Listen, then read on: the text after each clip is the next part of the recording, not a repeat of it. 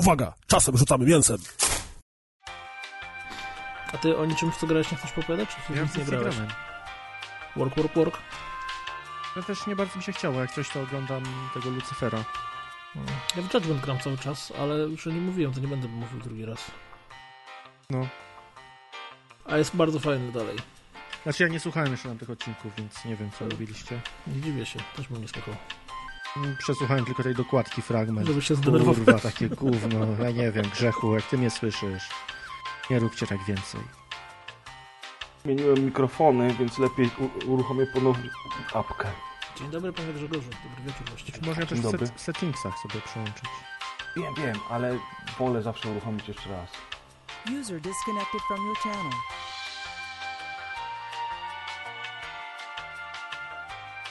Grzegorz?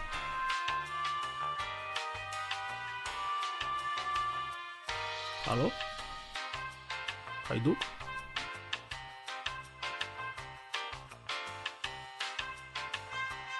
Adrian?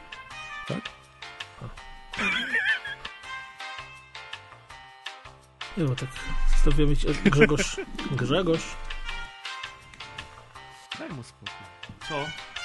Jesteś? No jestem. A co robisz? Zdobyłem telefon. No dobra, to zaczniemy, nie? Dobrze. Eee, dobrze. To już ten. Ty będziesz montował, nie? To żadnych Tak, tak, tak, ani tak. żadnych wstępów. Teraz przygotowaną jakąś zabawną anegdotę, ale tak kompletnie zapomniałem. No tak w ogóle mam wrażenie, tak przed podcastem, jak siedzimy na tym czacie, to taka totalnie grubowa atmosfera. Nikt się nie odzywa, cisza, No je było to wszystko wreszcie. słychać echo w tle, jakieś psy szczekają. A ja wiem tego, bo ja wyciągnąłem z grania.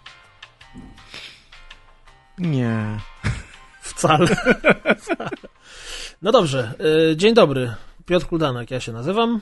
To jest rozgrywka odcinek 189. Y, Na cześć przedszkola numer 189 w Poznaniu. Ze mną jest Grzegorz Wojewoda, czyli Presperes. Cześć, cześć. I ze mną jest Adrian Kornasz, czyli Adek. Siema! Musiałem sobie przypomnieć, jak masz na nazwisko. Ja czekałem aż skończysz. Chciałem powiedzieć, nie wiem, Ador albo tam cokolwiek innego było. E, ponieważ, jak słyszycie, nie ma z nami Maćka, e, zwanego również Razerem, bo Maciek jest zajęty i robi różne rzeczy, to e, jeżeli e, coś jest nie tak z tym odcinkiem, jeśli chodzi o jego wspaniałą jakość audio, to jest to tylko i wyłącznie moja wina, e, więc proszę nie mieć do mnie pretensji, bo i tak, e, że tak powiem, jak w tym memie, it's something. Więc dobrze, że jest chociaż. Chyba, że tego nie słyszycie, to wtedy... Co za różnica? Tak. Wtedy nie ma tak. problemu w ogóle. Wtedy w ogóle nie ma problemu. Yy, rozgrywka party się działa w weekend, yy, tydzień temu, dwa właściwie, yy, 27. I już chłopaki mieli okazję dwa zdania zamienić o tym na dokładce, odcinku trzecim, w tej części podcastu, która jeszcze była do słuchania. Natomiast zanim doszło do recenzji Assassin's Creed Odyssey, Przepraszam bardzo, ale potem również było bardzo dużo Nie wiem. fajnych no, słuchania. nie wiem, bo właśnie gdyby były może na przykład rozpiska albo coś, to może mógłbym się przeklikać, ale nie Ale dotarłem. Tak jak mówiłem e, już e, na koniec trzeciego odcinka dokładki, więcej dokładek nie będzie. I to było ten, samo spełniająca się przepowiednia. Teraz jakiś nowy format trzeba wymyślić, nie wiem, tam kurde, deser albo coś takiego. Poradzimy sobie. Mm, e, W każdym razie tak, w sumie się śmiesznie złożyło, bo Maciek i Kas, którzy, którzy wspominali rozgrywkę party, dzisiaj ich nie ma, więc w sumie dobrze, Maciek zresztą ostrzegał, że nie będzie Tak. go, dlatego w ogóle opowiadaliśmy o tym na dokładce. No Tak. przecież nie chcieliśmy was, że tak powiem, pominąć z tej Znaczy wspaniałej fajnie, że już dyskusji. jesteśmy my i wy, nie? Spoko. No wiesz, no, niektórzy wolą Apexa, inni wolą Black Ops 4, no i tak to się dzieje. Nie? Właśnie, są chłopcy i mężczyźni. Mhm. W każdym razie, mm, y, co chciałem powiedzieć, to to, że impreza jak co roku była dosyć epicka i ja nawet o tym z Atkiem rozmawiałem, że mm, Z Zatkiem rozmawiał, widzisz, a ja No. to pierwsze słyszę. Widzę, to- znaczy to- słyszałem to- nawet jak rozmawiał. Na siłowni z nim rozmawiałem, więc już w ogóle między seriami. E, że przez absolutnie całą imprezę ciągle z kimś rozmawiałem, ale mam wrażenie, że rozmawiałem w sumie z jakimiś stoma osobami, dlatego że żadna z tych rozmów mocniej nie zapadła mi w głowę. Znaczy, jak przypominam sobie, a nie no zaraz, z nim rozmawiałem, z tym rozmawiałem, z tym się witałem, z tym gadałem i tak dalej, po czym jak mam się zastanowić, o czym właściwie z kimś rozmawiałem, to absolutnie nie jestem w stanie skojarzyć. Nie jest to kwestia tego, że byłem tak pijany, bo właściwie mm, alkoholizacja była w formie idealnej i z tego miejsca chyba musimy podziękować e, wszystkim osobom, które postanowiły raczyć nas alkoholem, zwłaszcza mm, pewnemu naszemu bardzo wytrwałemu fanowi, który przez dobre trzy godziny próbował namówić nas na postawienie całemu podcastowi shota i w końcu po trzech godzinach udało się chyba Grzegorz dzięki twojej inicjatywie zebrać nas w jednym miejscu. Tak, ja cały czas Tak. musiałem przypominać, Że że spotkanie redakcyjne. Pamiętam, pamiętam, natomiast musimy wszystkich zebrać. Ktoś gdzieś wyszedł, ktoś poszedł coś zjeść, ktoś z kimś rozmawiał i nie udało nam się szybciej tego zorganizować, ale w końcu udało się zebrać całą, całą ekipę, napić się razem, nawet zrobić razem zdjęcia. Te zdjęcia są u nas na grupie do obejrzenia, także y, operacja zakończyła się sukcesem. Jak słuchacie tych słów, istnieje bardzo duże prawdopodobieństwo, że dostępny już jest również film, y, relacja, wideo. U, z- jesteś pewny, że to tak szybko? Tak, tak. Z rozmów wydaje mi się, że jest duże prawdopodobieństwo, że w piątek to już będzie dostępne. E, A jak nie, to na dniach się pojawi najprawdopodobniej, z tego co ja Tym się orientuję. nie, nie robione przez Maćka, także spokojnie. Tym razem nie będziemy czekać do rozgrywka 7, żeby się pojawiło wideo. E, Tym razem robione przez, przez Pawła, którego serdecznie pozdrawiamy z tej strony.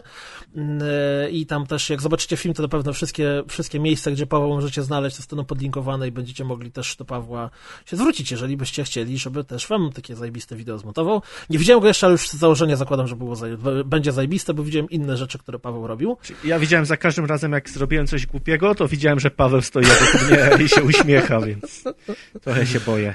Dzięki, Tak. Paweł. Dzięki, super. E, W tym roku na rozgrywka party również odbyło się, co było wielką niespodzianką, e, bo właściwie nikt o tym nie wiedział, e, za wyjątkiem osób, które to wymyśliły, czyli mnie i Gala Awards. I znowu Czyli- ty, Jadek. Widzę, że kolesiostwo pełną gębą. Podziały, podziały. Ża- Żadna nowość. Pogłębiamy je. Zaprosiłbyś nas na dokładkę zamiast jakichś ludzi, którzy gadają bzdury i to by było, nie byłoby podziałów. A tak, Może by Już były- nie ma dokładki. By a były tak już potem- dwie osoby, które grały w tę grę. A tak potem musisz czytać komentarz, w którym ktoś pisze, że na przykład nie kupuje formy z kaskadem i kazem, o ile sam pan K jest pięknym dopełnieniem głosów w rozgrywce, często posiadający inne zdanie, o ile tutaj tej mieszanki było za dużo. No, mm, pozdrawiam Andrzeja. Mm, Wracając, było Gala Awards, które to mm, najprawdopodobniej nie jesteśmy pewni, czy w dokładnie takiej samej formie, czy w jakiejś zmienionej, ale pewnie zagości również za rok na rozgrywka party. Mam nadzieję, że razem- nie. Albo w krótszej formie. No, Wiem, że może dzisiaj na już nie odpowiedzialność ja, jeden na was dwóch, ale postaram, wiesz, Ale to postaram jest- dać to jest- siebie wszystko To dzisiaj. jest o tyle zabawne, że z, z y, że tak powiem, czterech, nie, pięciu osób, tylko tobie się nie podobało. Nie, nie, mi się podobało, dostałem bardzo fajne nagrody, ale trochę za To może długie to było właśnie, może pochwalisz się, jakie nagrody dostałeś. Najważniejsza y, nagroda y, to była nasza nagroda wspólna grupowa, którą każdy z nas dostał, a mianowicie nagroda najlepszego podcastera podcastu Rozgrywka i to mi się bardzo podobało, bardzo mieliście fajny pomysł. No i dostałem również nagrodę y, tolerancji za Stoję najbardziej tolerancji. tolerancyjną Tak osobę roku. Bardzo Dla osób- dziękuję. Dla osób, które nie było na, na imprezie, czego powinny bardzo żałować i już wpisać sobie w plany, mimo że jeszcze nie ma podanej daty przyszłoroczną odwiedzin na imprezie. Scena była piękna, ponieważ mm, y, impreza odbywała się w Disco VR, no i rozdanie nagród było w takim wydzielonym miejscu, tak zwanej klatce, w której w zeszłym roku była walka At Atka z y, Szukizem. Tak no, i w momencie, w którym słowo. Łomot. Grzegorz przyszedł odczytywać, e, kto dostał, bo Grzegorz nie wiedział o tym, że dostanie nagrodę o stoję tolerancji, ale był wyczytującym osobę, która dostanie tę nagrodę, więc kiedy tylko Grzegorz wszedł do klatki, natychmiast e, tłum zgromadzony wokół klatki zaczął skandować tolerancja, tolerancja. I to było, Było to- bardzo dobre. Było to całkiem zabawne, owszem. Tak, nie, oczywiście pomysł super, bardzo mi się podobał, natomiast troszeczkę może krót, krótsze jakby to było, bo było strasznie ciepło, nie? Wiadomo, środek lata Było- oj, tak ciepło, były problemy z nagłośnieniem, przez to, że to było robione wszystko na zasadzie niespodzianki, to tak naprawdę nie byliśmy w stanie uprzedzić osób, które będą nagrody dostawały, żeby e, były na to gotowe, ale spokojnie, mamy Ale cały rok. dostaliśmy dużo fajnych zdjęć, że te dyplomy faktycznie wiszą. Dostaliśmy zdjęcie sekretarza z dyplomem. Więc Tak jest, świetna sprawa, że to faktycznie dostaliśmy gdzieś tam Dyplom Kowala z. Fakesforge wisi w toalecie w Fakesforge. Ale jak ślicznie to wygląda. Powiem ci, że u niego w toalecie jest ładniej niż wielu osób w salonie, więc to tam wiesz. To jest zupełnie inna sprawa. No tak, no tak, oczywiście. E, też dostaliśmy, bo, bo oprócz nagród, które były troszeczkę z przymrużeniem oka, takie właśnie jak Ostoje Tolerancji, to było też sporo nagród, które były w bezpośredni sposób nawiązywały do podcastu i były trochę bardziej na serio. E, I e, jest dla nas przyjemnym to, że, że te firmy czy, czy osoby odpowiedzialne za gry, które e, te nagrody dostały, przyjęły to z dużą radością. I, I czekamy teraz na było, prawdziwe promki, a nie klucze do gier. Widać było potem u kogoś właśnie na ścianie Hall of Fame i tak dalej. Ja E, chciałem powiedzieć, że bardzo się dobrze bawiłem. Dziękuję wszystkim za przybycie, super było, bo tam was, że zobaczyłem, to, to już żadna radość dla mnie, nie?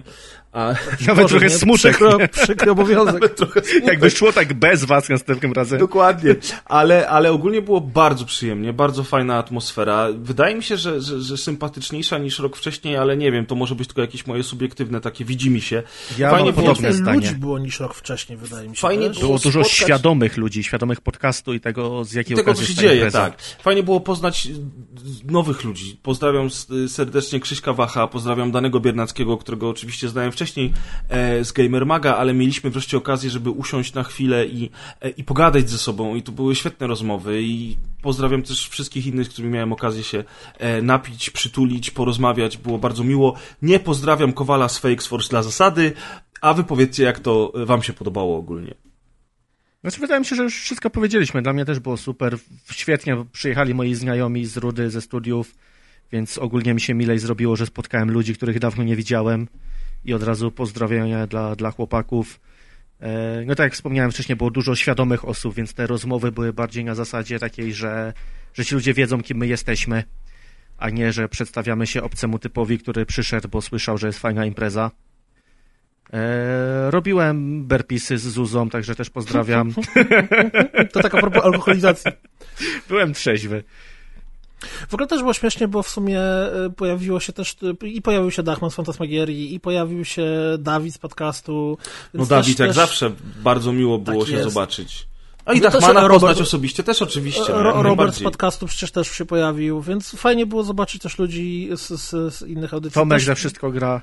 Tomek za wszystko gra jak najbardziej. Cała w ogóle większa ekipa za wszystko gra. Znaczy właściwie to jest teraz hashtag kolaudacja, bo oni się renejmowali, ostatnio aresztowali. No i Piotrek Ziętal przybył z Zamorza, też było jak No zawsze było miło. więcej osób w ogóle z Zamorza, to też dla mnie jest niesamowicie przyjemne i zaskakujące, ale co chciałem powiedzieć, że mm, to Maciek o tym mówił na dokładce, że y, my czytamy komentarze, nie wiem, jesteśmy na grupie, dostajemy czasem jakieś tam PM-ki czy maile, ale jednak, czy tam, nie wiem, widzimy te, te, te cyferki, które wynikają, ile osób ten nasz podcast ściąga i słucha tej gadaniny, ale jednak jak się nagle widzi to tłum ludzi, którzy nas znają i nas słuchają i, i się z nas śmieją, albo z nami się nie zgadzają, albo uważają, że jesteśmy fajni, albo jesteśmy kompletnymi idiotami, to jednak jest takie, kurde, jakoś niesamowicie pozytywnie mm, ładujące i, i daje jakiś taki zastrzyk energii do, do chęci robienia tego i spotykania się regularnego i gadania do tego mikrofonu i, i, i o. Właśnie dlatego dziś jesteśmy Dlatego tylko zaczęliśmy tak bar- bardzo smętnie, ale już się rozkręcamy, już wracamy do formy. Ja tylko jeszcze chciałem w imieniu całej redakcji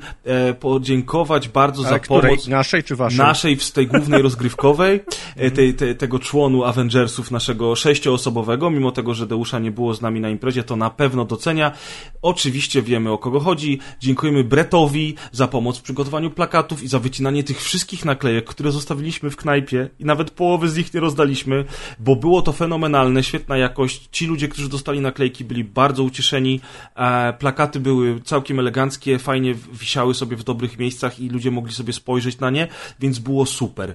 E, I także pozytyw jest dziękujemy. taki, że, że tych naklejek, oczywiście tu stuprocentowo popieram y, to, to, co mówi Grzegorz, i pozytyw jest taki, że ja widziałem potem sporo zdjęć osób, które tymi naklejkami srogo coś obkleiły, więc na szczęście to nie jest tak, że wszystkie zaginęły, tylko jednak trochę również... Nie, ja y, chodziłem przez pierwsze dwie godziny i rozdawałem te naklejki non-stop.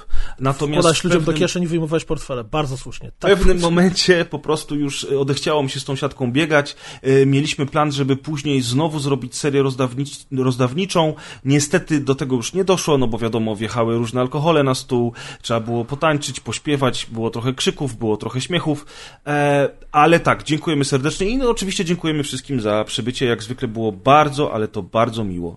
Tak jest. No i tak jak każda taka impreza jest dla nas też organizacyjnie jakąś tam y, kolejnym doświadczeniem i staramy się, żeby z roku na rok to było coraz bardziej zorganizowane, bo w sumie jak się przypomina pierwszy rozgrywka party, które działo się w lokalu, który chyba już w ogóle nie istnieje. Ja staram się zapomnieć pierwszy rozgrywka party.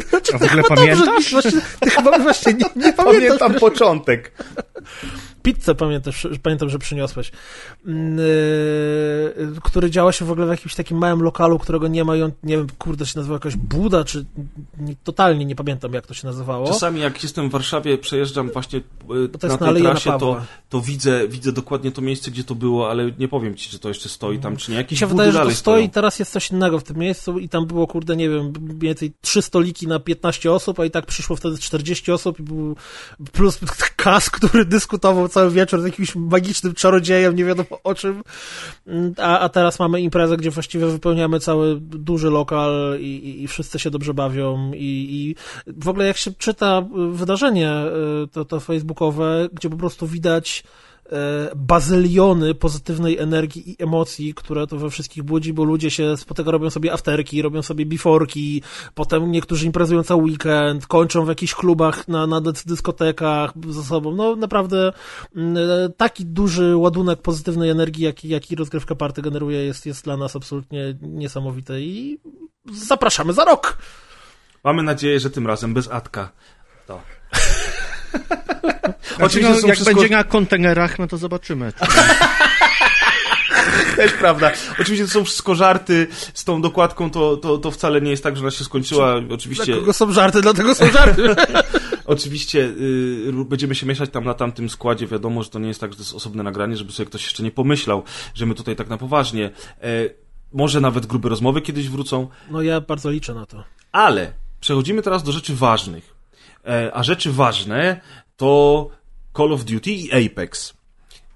No bo w końcu to jest podcast o grach. Ja najpierw się podzielę e, z wami swoimi newsami na temat e, Call of Duty now- nowego i na temat Black Ops 4, a potem wy opowiecie mi, co było w drugim sezonie Apex. Może być? Jest właściwie, co jest w drugim sezonie Apex. Dobra. Powiedziałbym. To Powiedzcie mi, kto widział zwiastuny i materiały na temat nadchodzącego Modern Warfare? Ja. Ja nie. A Adrian nic nie A, widziałeś. nie, widziałem, widziałem, sorry, Z widziałem. metaliką w tle. Tak, takie plastikowe. Właśnie, bo ty mówiłeś, że to jest plastikowe, ale ty grasz w. Apexa, więc jakby no... Ej, no to nie jest nijakie. To akurat, akurat z tym to ja się nie zgodzę.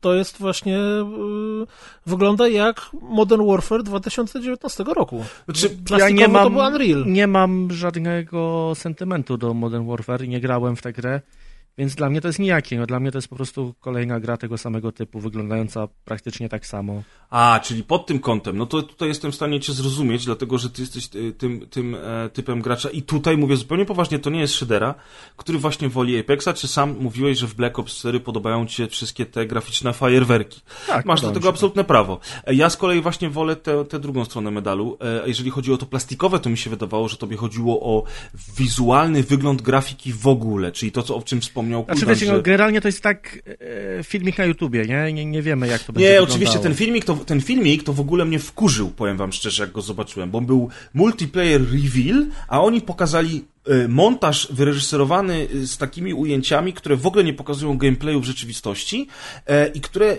coś tam sugerują, a przy tym wszystkim strasznie jadą na Zwiastun nostalgii. wieloosobowy, który nie pokazywał wieloosobowej tak naprawdę. I, i, I jadą na nostalgii y, tego, że wszyscy czekaliśmy na kolejne Modern Warfare, ponieważ dostaniemy reboot, to, to większość tych map i lokacji wygląda dokładnie tak, jak większość map i lokacji z oryginalnej trylogii Modern Warfare.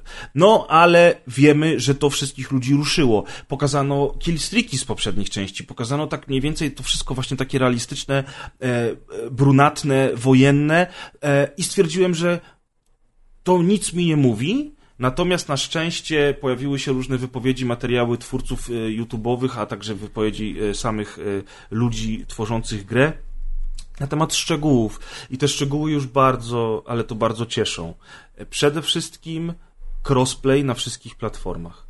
E, To oznacza, że gracze PC, PS4 i Xbox będą mogli grać ze sobą razem. To E, jest bardzo duża rzecz tak naprawdę, bo Bardzo. wydaje mi się, że tylko i wyłącznie Activision jest w stanie sobie pozwolić, żeby powiedzieć Sony, ej, będzie crossplay i Sony nie może stanąć w rogu i powiedzieć, nie, nie będzie. Fortnite? No Fortnite No, tak, ale, ale Fortnite, Fortnite nie, już nie ma łączy chyba PS4 crossplaya, nie? chyba z Xboxem, tylko Już. PS4 z PC, o ile pamiętam dobrze. Nigdy chyba nie było sytuacji, że gracze Xboxowi będą w stanie grać razem z graczami, z graczami PlayStation 4.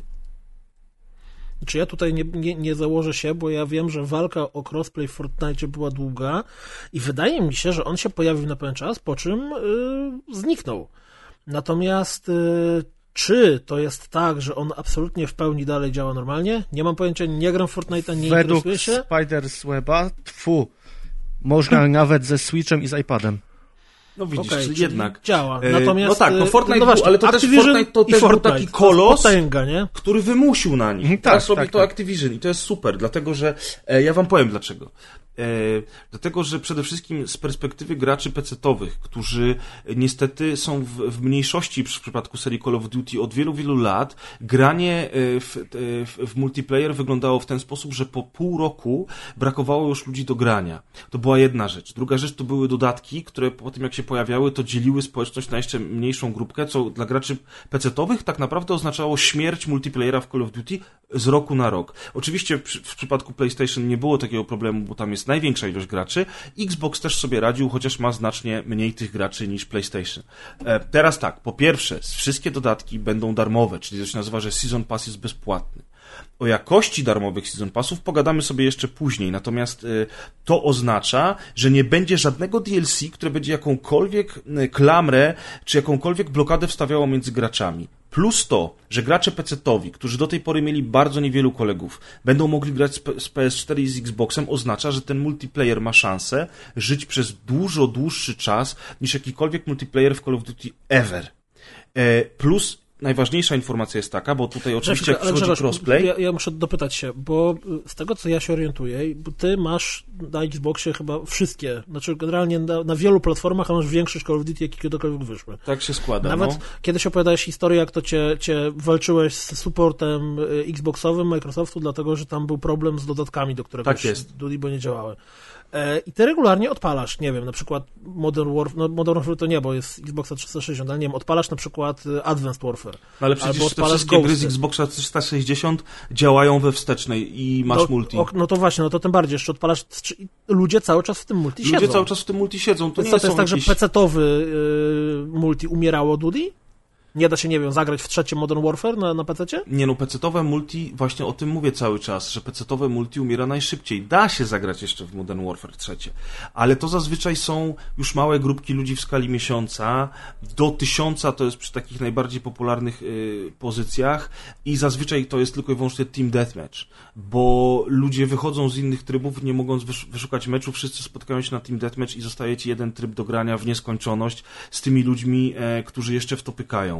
Natomiast w przypadku konsol, chociażby właśnie we wstecznej e, na Xboxie One, te wszystkie starsze odsłony typu Black Ops, Black Ops 2, Modern Warfare 2, Modern Warfare 3 Ghosty e, spokojnie śmigają we wstecznej z multi, czyli ja gram na Xboxie, ktoś gra na Xboxie 360, możemy to po części nazwać crossplayem i tam tych graczy jest o tyle więcej, że nie dość, że można też pograć w inne tryby, bo wynajduje graczy, to jeszcze nawet jak masz dodatki, to bardzo często w, te dodatki sobie pograsz, zwłaszcza w tych nowszych odsłonach. Teraz jakby tutaj y, na tym etapie ci gracze PC-towi zostawali w tyle. Druga rzecz, na Xboxie jednak tych graczy jest mniej niż na PS4 i na przykład WW2 to, które było wydane w 2017 roku i które żyło sobie pięknie do premiery Black Ops 4, w tej chwili na Xboxie już nie jest tak popularne, jak było do premiery Black Ops 4, bo większość graczy przeszło do kolejnej gry. I teraz, jeżeli my byśmy chcieli sobie pograć na Xboxie, a wszyscy pamiętamy, jak świetnie bawiliśmy się w WW2,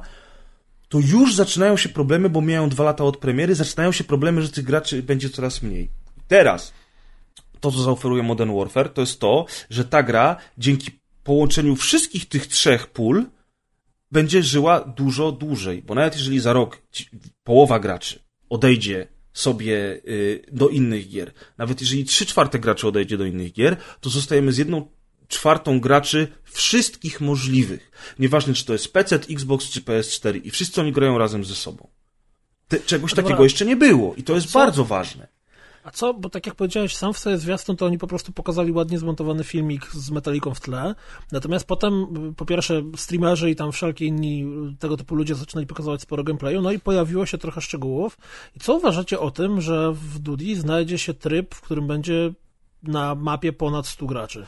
No to jest ciekawostka, bo właśnie w tej chwili... I nie chodzi o Battle Royale, żeby I nie to nie było, jest Battle Royale. dwie Modern drużyny Warfare- przeciwko sobie, nie? Czyli jest- Battlefield Welcome to. To jest Ground War. Ten tryb był w serii jeszcze od Modern Warfare 2, ale on wtedy oznaczał, że zamiast 12 graczy na mapie było 20. W tej chwili faktycznie będzie 100 graczy na mapie i z tego co ja zrozumiałem, to na dzień dobry będzie jedna taka mapa przygotowana, czyli podobnie jak w Blackoutie.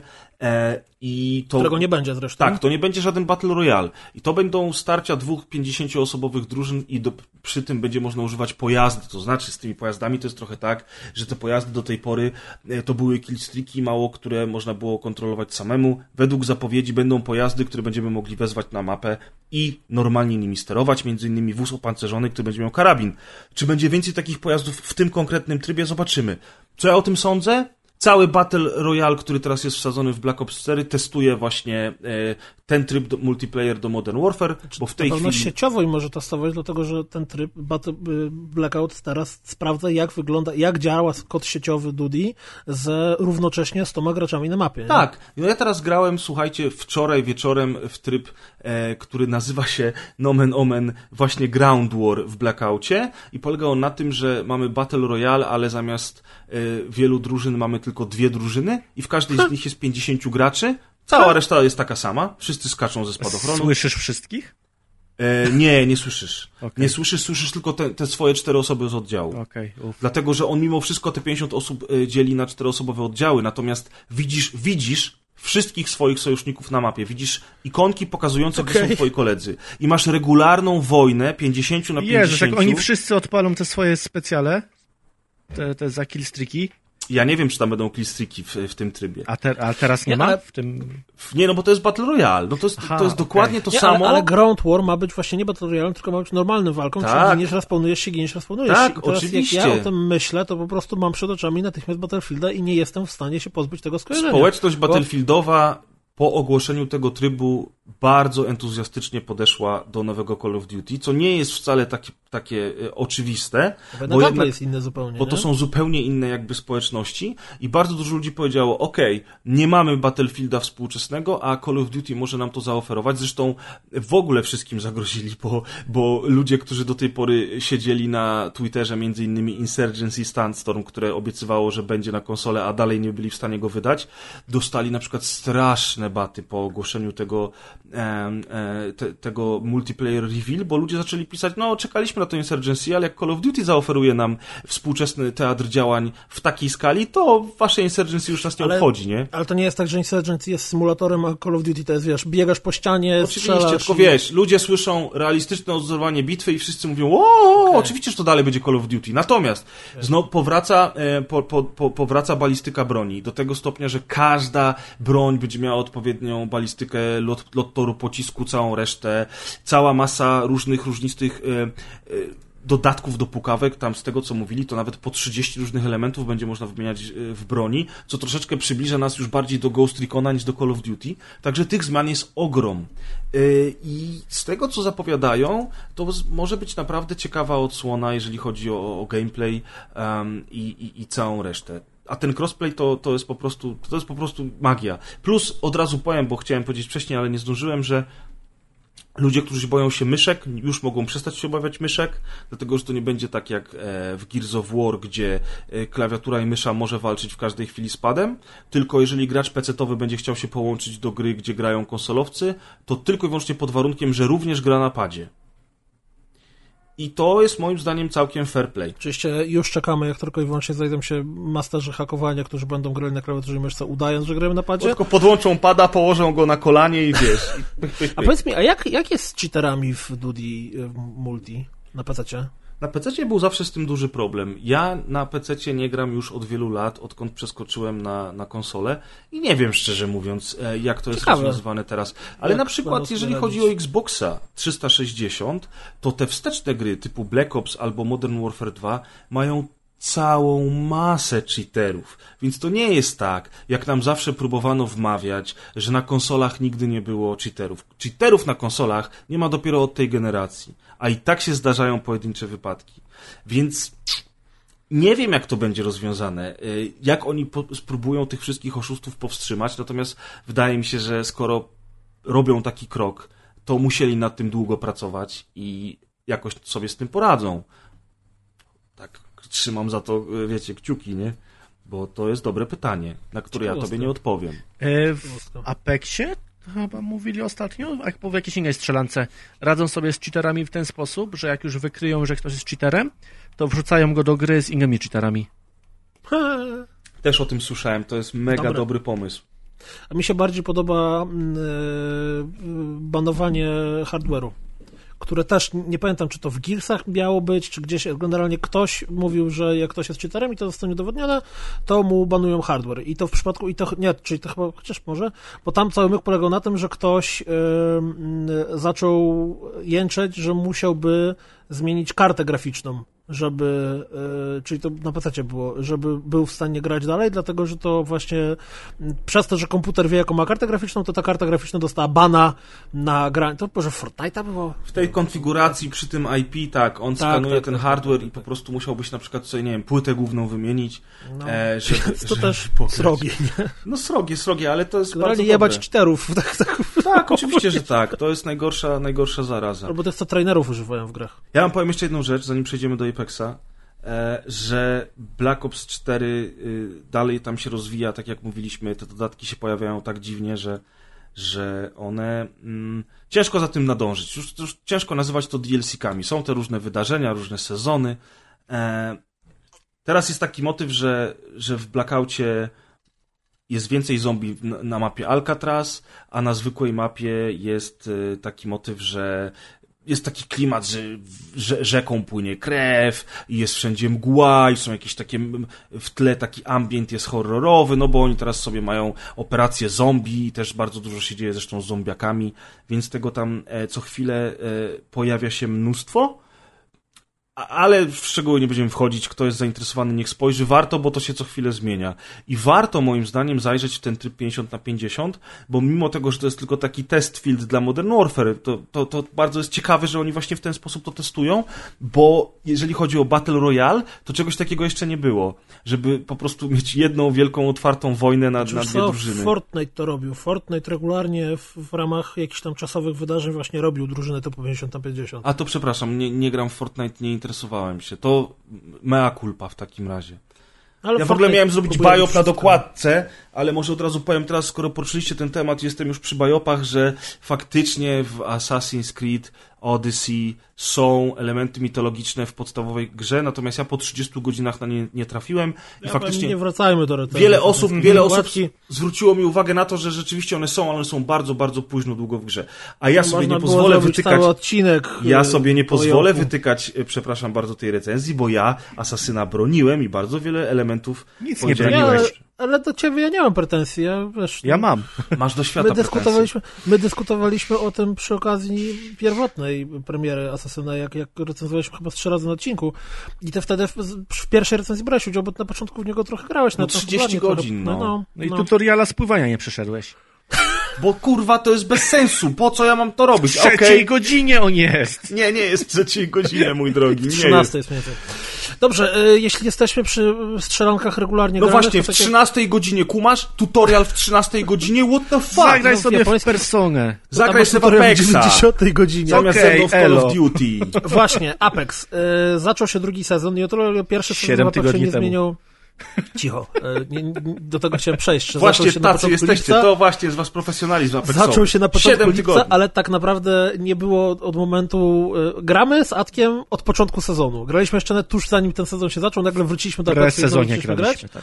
w presezonie, ale szczerze mówiąc nie było jeszcze momentu, kiedy nagrywaliśmy coś razem we dwóch, żeby można było o tym wspomnieć chyba od momentu startu. Yy, A więc zaczął się drugi sezon. Pierwszy sezon to było generalnie, pomijmy Lipa. właściwie. Tam, Mech, tam nic nie było, dodali jedną była postać. nowa postać tylko. No tak. Octane był i tyle. Ale drugi sezon wywrócił trochę zabawę do góry nogami, znaczy może do góry nogami to jest trochę przesada, bo tak, po pierwsze wprowadził też kolejną nową postać, dodał nową broń ze zrzutów, tam rzeczy tak zwane patch notesy, czyli e, cały czas bawienie się z balansem broni, to jest rzecz oczywista Tak, z ilością amunicji. Znaczy jest istotna, no bo Znaczy jest dla to zmieniło grają, ale całą. Ogólnie to jest takie No tamten. pewnie, że zmieniło całą rozgrywkę. Jest podział między nami, bo nie chcecie ze mną grać w Call of Duty, tylko w Apexa.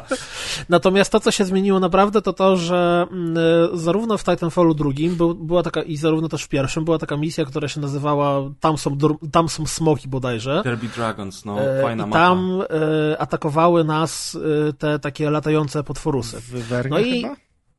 Ja nie, nie mam Wywerny zielonego to w Wiedźminie, tak się znasz na tym Apexie, no. Może wywerny.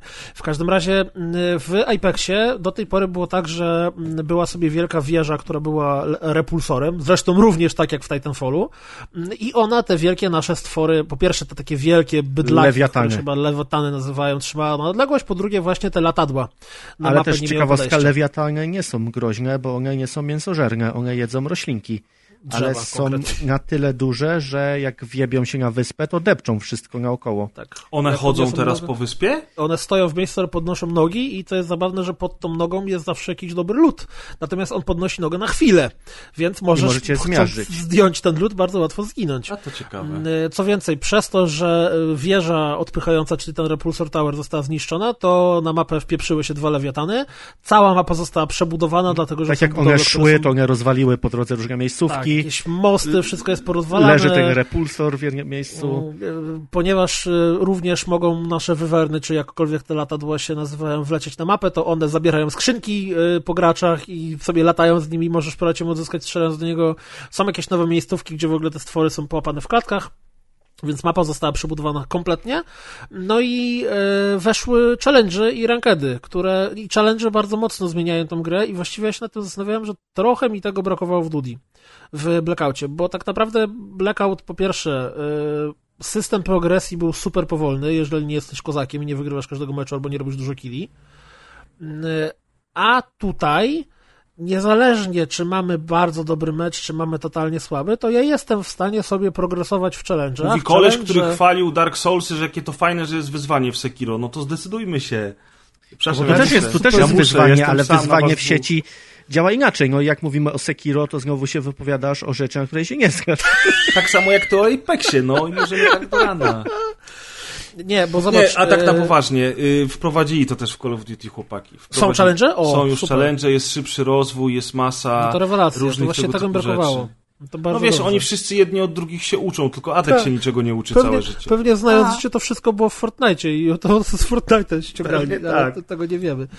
Więc y, Apex tym drugim sezonem doprowadził do tego, że my właściwie z Atkiem 3-4 razy w tygodniu wieczorem w niego gramy. grając Jeszcze rzeczy. rankedy zostały wprowadzone z e, świetnym systemem, czyli mamy standardowy podział na ligi, ale grając rankeda, zależnie od tego w jakiej lidze jesteśmy, płacimy wpisowe. I w ten sposób, jak jesteśmy w brązie i zagramy, to nic nie płacimy, ale jak zagramy ze srebra, to już płacimy jednym punktem. Więc jeżeli nie zdobędziemy odpowiednie- odpowiedniego miejsca, no to będziemy na minusie. I w ten sposób, im jesteśmy w wyższej lidze, za ostatnie już jest chyba minus 7 za samym starcie. Im jesteśmy wyżej, tym e, bardziej musimy się postarać, żeby nie tracić punktów w czasie gry. A co też ciekawe, nie da się spaść z ligi, czyli jak już wejdziemy do Golda, to możemy zostać w Goldzie 4 na zawsze, ale nie spadniemy do srebra. I ten system będzie bardzo... Minus 100 punktów. Tak. Znaczy nie, wydaje mi się, że na zero można być, chociaż nie sprawdziliśmy Tak. tego i nie chcielibyśmy tego sprawdzać. W każdym razie na tyle dobrze się to sprawdza, że do złota spokojnie da się dojść na, na takim podstawowym poziomie bez wymiatania. Jakie są nowe postaci w drugim sezonie? Watson. Watson, taka pani, która rozkłada pułapki elektryczne plus rozkłada takie coś, co tobie ładuje tarczy i skille szybciej dzięki niej rosną. Córka człowieka, który jest jakoś odpowiedzialny za ten cały... Wymyślił w ogóle całego tego. Co, wy, co Ja, oni w ogóle z drugim sezonem no, turniej, wymyślił turniej, ten, ten y, Apexowy i oni To w jest ogóle takie lore tam zaczęli... rozbudowane, co wy, Tak, jak właśnie będziecie w Fortnite'a, zaraz będziecie zaczynają- komiksy przynosić i opowiadać na Ale rozgrywkę? żebyś wiedział, że oni zaczynają robić, rozbudowywać lore, dlatego że y, razem z patch, patch notesami związanymi z drugim sezonem była cała długa y, opowiadanka, jak to, że niby wiesz, ktoś tu wysadził wieżę i ktoś jest przeciwko turniejowi, ale my się nie damy, Apex musi trwać, bla, bla, bla, bla, bla, więc oni bardzo chcą, żeby tam było jakieś fabularne podłoże, co jest dla mnie absurdalne, no ale to jest... To jest już Fabularne pod, podłoże w każdym Battle Royale jest absurdalne, no ale e, mniejsza z tym. Coś chcecie jeszcze powiedzieć o tym? Czy już przestaniemy ludzi męczyć? jak ktoś się A, bawił nie trzeba premiery- zapłacić przede wszystkim, nie trzeba płacić, żeby się cieszyć. O, Wszystkie dobrze, że to mówisz, bo wiem, są co za darmo. co chciałem po tym powiedzieć. To jest bardzo fajne. Dopiero nagrody, które są za odpowiednie poziomy, są w momencie, jak wykupimy tego Season Passa, ale nie potrzeba tego, żeby robić wyzwania, czy, czy mieć nową postać, czy korzystać z nowej mapy. Ja tam mam tego Twitch Prime'a i czasami wpadają jakieś skórki też z niego do różnych gier, w tym właśnie do Apexa, więc można nawet będąc słabym albo nie grając wcale tak jak ja, mieć nowe skórki do swoich postaci. Adek, dobrze, że mówisz o tych darmowych rzeczach. Dlatego, że ja chciałem z wami porozmawiać przez chwilę o tym, e, e, idzie nowe. E, I Modern Warfare jest tego przykładem, że idzie nowe. Electronic Arts wprowadziło to już jakiś czas temu. Prekursorem wszystkich było oczywiście Ubisoft i te straszne gry usługi, które takie są straszne, że te gry potem po 2-3 lata za darmo są rozwijane i trwają dalej. Oczywiście mają w sobie mm, mikrotransakcje, mają płatne DLC, na przykład w postaci helikoptera bojowego do Wildlands, który kosztuje bodajże 25 zł. E, ale oczywiście można kupić grę i grać w nią bez końca mm, e, za darmo później już, bo na przykład wróciłem ostatnio do Wildlands i mieliśmy nawet okazję przez chwilę pograć z Kuldanem razem. I e, przeszedłem pierwszy dodatek do końca, e, zacząłem drugi, pograłem w tryb, tryb Guerrilla, który jest taką hordą, gdzie się broni przed kolejnymi tam falami wrogów. Odpaliłem tryb Mercenary, który jest takim bardzo małym, bardzo ciekawym, z odrodzeniami trybem Battle Royale w Wildlandsach. I jak zastanowiłem się nad tym, że w ciągu dwóch lat od premiery tyle rzeczy tam doszło i to wszystko poza tymi dwoma fabularnymi DLC-kami, bo tutaj trzeba przy- przyznać, że one były płatne, są płatne i będą płatne, ale cała reszta tych rzeczy doszła za darmo. E, w Division 2 wszystko już jest za darmo. W Battlefield 5 jest tak samo, w Battlefront 2 jest tak samo. E, I Modern Warfare, co jest w historii Activision w ogóle wow, przecież oni do dzisiaj sobie każą płacić pełną cenę za każde DLC, które wyszło do wszystkich poprzednich odsłon w serii. W Modern Warfare wszystkie dodatki będą za darmo. I ja mam straszne obawy z tego powodu. Powiem wam szczerze. Dlatego, że zagrałem ostatnio w pierwszy do, darmowy dodatek do Division 2 i jest fatalny. Maciek, największy fan Division, grał w niego ze mną. Ni- Niestety nie ma go dzisiaj z wami, ale uwierzcie mi na słowo. Maciek po tym dodatku powiedział: Chyba już czas odinstalować tę grę z dysku. Ała.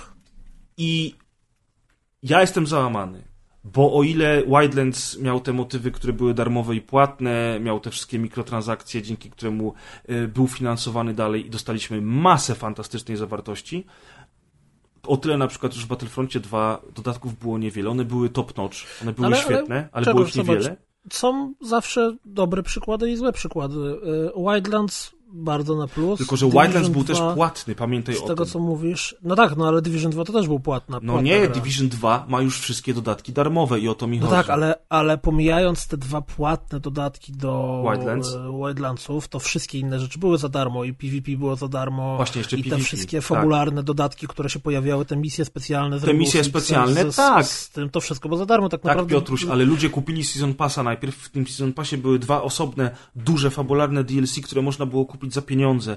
Division pierwsze miało wszystkie dodatki płatne. Division 2 ma wszystkie darmowe. I jest taka przepaść między tym, co było w Wildlands i w pierwszym Division, a tym, co no, ale jest poczekaj, w drugim. ale y, no to w Wildlands trzeba podzielić te dodatki na dwie rzeczy. Te, które są darmowe i te, które są płatne.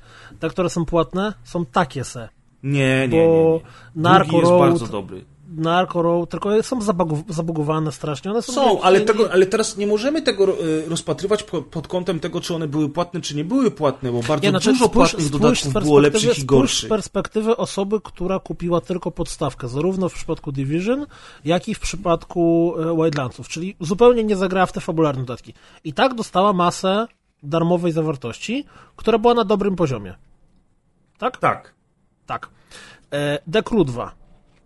Ktoś nie kupił żadnego Season Passa, dostał grę, do której pojawiło się... Zresztą ty chyba o tym W opowiadałeś na Crew jakiejś 2 rozgrywce, wszystko jest darmowe, że natomiast wróciłeś Season i nagle się pojawiły jakieś zupełnie nowe, nowe Tak, tryby, w jakieś takie Crew 2 wariactwo wszystko jest zajebiste. darmowe, Piotr, tylko Season Pass polega na tym, na czym polega w, między innymi w Rainbow Sixie.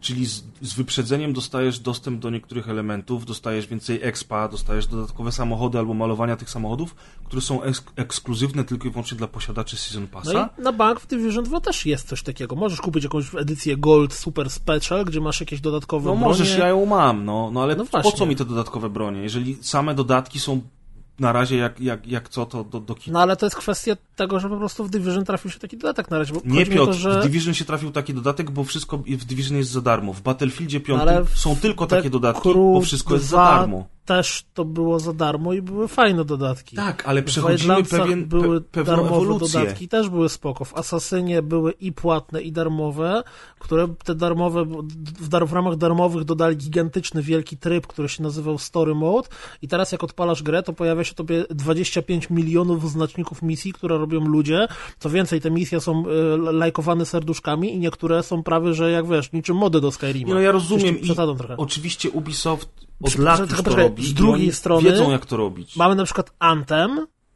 który w ogóle nie jest w stanie, e, mimo obiecanek, za darmo tego tam kataklizmu, czy cokolwiek to miało być, dostarczyć.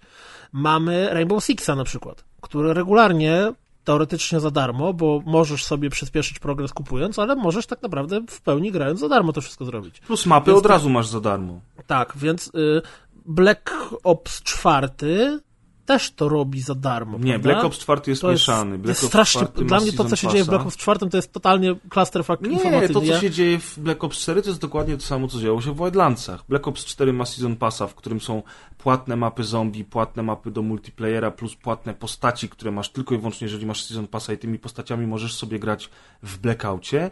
Natomiast Aha. razem z ma mapami płatnymi do multi pojawiają się darmowe mapy dla wszystkich, ale to są Postaci, mapy, chyba. które są rekreacjami map z poprzednich odsłon i tu jest pies pogrzebany. Albo to są mapy, które już były w podstawce, ale mają na przykład zmienioną pogodę i nagle się okazuje, że jest deszcz i to jest wszystko. Plus wszystkie eventy w Blackoutie, które są dla wszystkich za darmo, więc jak się pojawiła nowa mapa, była dla wszystkich za darmo. Jak się pojawiły jakieś tam zmiany na mapie, typu, że woda zalała większość terenów, było dla wszystkich za darmo. Ale to są eventy w ramach Blackouta. Natomiast darmowe mapki do multiplayer to są mapki z poprzednich odsłon, które zostały przeniesione do tej części. I tu już nie Okej, jest tak kolorowo. Czyli reasumując, jeśli dobrze Ciebie rozumiem, two, Twoja teza jest taka. Moja obawa, Ponieważ moja Division obawa. 2 nie ma płatnego Season Passa, to to, co dają za darmo, jest słabej jakości. Tak, to co dają za darmo w Battlefieldzie 5 jest słabej jakości. Poza tym trybem e, Firestorm, który jest całkiem spoko Battle Royalem. Natomiast mapki, które się tam pojawiają, pojawiają, pojawiają się rzadziej, w małych ilościach i są naprawdę takie sobie. I ja To mam... zupełnie innej beczki, tak absolutnie zupełnie innej beczki. Regularnie sobie gadamy o tym, że gier jest za dużo i pojawia się ich za dużo. I na przykład dla mnie w moim byciu tym takim kompulsywnym graczem, który rocznie gra w nie wiem, 50-60 tytułów, to, że e, nie wiem, pewnie już mi 100 godzin pyknęło w Apexie i ciągle do niego wracam, to w cudzysłowie ogromnym jest problemem. I teraz, jeżeli Maciek spędził z Division 2 100 godzin i teraz ta za darmowa zawartość, która się pojawia, jest dla niego nieinteresująca, to on spędził z Division 2 100 godzin i właściwie ta darmowa zawartość lata mu koło nosa. No i stary, ale nie mówmy tego w ten sposób, bo to nie jest prawda. Maciek na przykład nie jest takim graczem jak ty i- czy i ja, którzy grają w bardzo dużo gier i Szkoda, gry że nie ma z nami. Maćka, bo dużo Nie, ale, ale rozmawiamy Maciek, dzisiaj. Maciek będzie mógł się na, wypowiedzieć na następnym odcinku, ale, ale ja z nim rozmawiałem i Maciek to powiedział, więc przekazuję to, co Maciek powiedział. Maciek naprawdę przecież ile z godzin spędził w pierwszym Division? Setki. To ja jeszcze chciałem przypomnieć, że pierwsze Division plus- jakieś dwa czy trzy miesiące po premierze było niegrywalne. I Pierwsze e, Division. Ludzie, pierwsze Division. No I tak. ludzie, mimo płatnych dodatków, i ludzie wieszali na nim po prostu psy gigantycznie. I dopiero, nie wiem, pół roku, siedem miesięcy, rok po Nie, że premierze. było niegrywalne, tylko endgame był kiepski, no. No nie, bo pamię nie pamiętasz, co się działo, jak Maciek się śmiał, jak to na streamach deweloperskich cheaterzy nie dawali deweloperom grać, był gigantyczny problem z kodem sieciowym. Ta gra, miała, ta, ta gra niedługo po premierze miała masę problemów.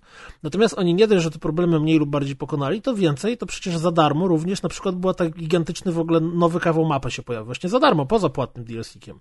Więc wydaje mi się, że teza mm, czy obawa, że brak płatnych DLC do gry oznacza z automatu chujowej jakości darmowe dodatki, chyba jest za wcześnie jeszcze, żeby to powiedzieć. Ja już czuję pismo nosem i tylko jeszcze powiem, że to, że ty nie jesteś graczem, który spędza dużo czasu w multiplayerze, bo wolisz inne rodzaje rozgrywki komputerowej, nie znaczy, że ludzie, tacy jak właśnie środowiska Call of Duty czy Battlefielda przede wszystkim, e, podzielają twoją opinię. Ej, wyszły słabe dodatki, to spoko, będę miał czas na inną grę. Nie, bo oni tam setki, jak nie tysiące godzin spędzają co roku w tych wszystkich Battlefieldach. I jak na przykład do trójki czy do czwórki wyszło 12 czy 15 map w, w ciągu roku, to oni mieli co robić, wychodziły dodatkowe wyzwania i tak dalej. Natomiast jeżeli tutaj w ciągu roku wyszło map 5, to uwierz mi, że bardzo duża społeczność tych graczy multiplayerowych wolałaby zapłacić te 200 za Season Passa i mieć więcej zawartości. To jest oczywiście kwestia wyboru. Jedni wolą tak, drudzy wolą tak. Natomiast Nie, no ale to właśnie to teraz pytanie, bo to pięknie mówisz. Y, ogromna część społeczności, czyli tak naprawdę teoretycznie tych ludzi, na których deweloperom powinno najbardziej zależeć. tak, tylko że już przestało im zapłacić. zależeć. No ale na czym chcą zarobić pieniądze? Bo jeżeli. Na mikrotransakcjach. magiczna Activision ma swoje magiczne Excele, w których wynika, że nie wiem, Season Passa kupowało x ludzi i z tego mieliśmy y, bazylion y, milionów dolarów, a w momencie, w którym będziemy kusić darmowymi y, dodatkami cztery razy więcej ludzi i oni będą sobie kupowali śmieszny kapelusz albo czapkę z daszkiem, to dzięki temu zarobimy dwa kapzyliony dolarów. Myślę, Oczywiście, że to jest no, ale super oczywiście. czysty rachunek ekonomiczny. Jeżeli nagle się okaże, że w Division 2 y, masa ludzi odpadnie, bo okaże się, że to dodatki są słabej jakości, to albo zewrzą w dupę i zrobią dodatek dobrej jakości, tak jak wtedy ta, ta, ta bo do jedynki wyszedł jakiś w ogóle nowa mapa, nie? Czy tam część miasta się zmieniła, Pierwsza było taka ekspedycja to się nazywa. No to, to, to, jest, to jest straszna bieda, no po prostu. To jest Nie, naprawdę nie, mi chodzi o to, że do pierwszego Division Aha. po jakimś czasie doszedł w ogóle nowa część Nowego Jorku, tak? Tak, Tak, tam doszła taka część Nowego Jorku, gdzie można było pobiegać. Natomiast wiesz co, ja wiem, że możemy teoretyzować w, te, w tę stronę i że, i, i że oczywiście, że twórcy y, zadecydują o tym, co jest dla nich lepsze, natomiast twórcy czy tam wydawcy, ja mam wrażenie, że mimo wszystko lepsze dla nich będzie dawanie darmowych dodatków i zarabianie na mikrotransakcjach niż sprzedawanie season passów odpicowanych jak milion dolarów tylko grupie wybranej hardkorowców, którzy w grę grają przez cały rok non-stop. To jest dla mnie oczywiste. Ta, ta pierwsza opcja wygra. Tylko, że niestety z perspektywy nas graczy, już nie, nie mówię hardkorowych, graczy nie hardkorowych, te eksperymenty i te ciągłe zmiany to są na naszą niekorzyść, bo ja na przykład jestem strasznie zawiedziony tym dodatkiem do Division 2, jestem strasznie zawiedziony tym, co się dzieje w Battlefieldzie 5 i naprawdę mam wrażenie, że idziemy w tym kierunku. I teraz pogadamy za rok czasu, ale mam wrażenie, że to, co będzie dawane za darmo w Modern Warfare, to będą rzeczy, które będą recyklingiem map z poprzednich odsłon i że to będą rzeczy, które będą się pojawiały rzadko. Jak będzie w praktyce, to się okaże, ale tak, mam wrażenie, może być. Halo? Jesteście czy No, ja- ja myślę, wiesz, ja myślę tym- rzeczy? Ja, ja, myślę, ja myślę o tym, co ty mówisz, bo mm, właśnie zastanawiam się, y, co jest lepszym rozwiązaniem i tak naprawdę tutaj chyba to są, jeden rabin powie tak, drugi rabin powie nie, to są, to są rzeczy, które, nie wiem, na przykład dla, w cudzysłowie, każuli, dużo, oczywiście w cudzysłowie użyłem tego słowa, dużo fajniejszym rozwiązaniem jest to, że gra za darmo się zmienia i ja mogę sobie raz na dwa miesiące do niej wskoczyć i coś nowego dostanę albo czymś się zaskoczę. A dla oddanego community, tak jak mówisz, jak są ludzie, którzy dzień po premierze Dudi mają już drugi prestiż, bo są psychopatami i są nienormalni. Też to mówisz nich- oczywiście to w cudzysłowiu teraz, prawda? Tak, tak, tak. No oczywiście, wiadomo, że jak ktoś ma drugi prestiż, to jest, no. Eee, to, to dla nich e, sześć mniej map, mimo że nie musi za nie zapłacić, to faktycznie jest realny problem. No teraz ciekawy jestem, bo ty masz rację, że, to, że, że jeżeli spojrzymy nawet na tą generację konsol, na, która powoli tam zbliża się do końca, to już w trakcie niej mm, rynek gier się niesamowicie mocno zmienił.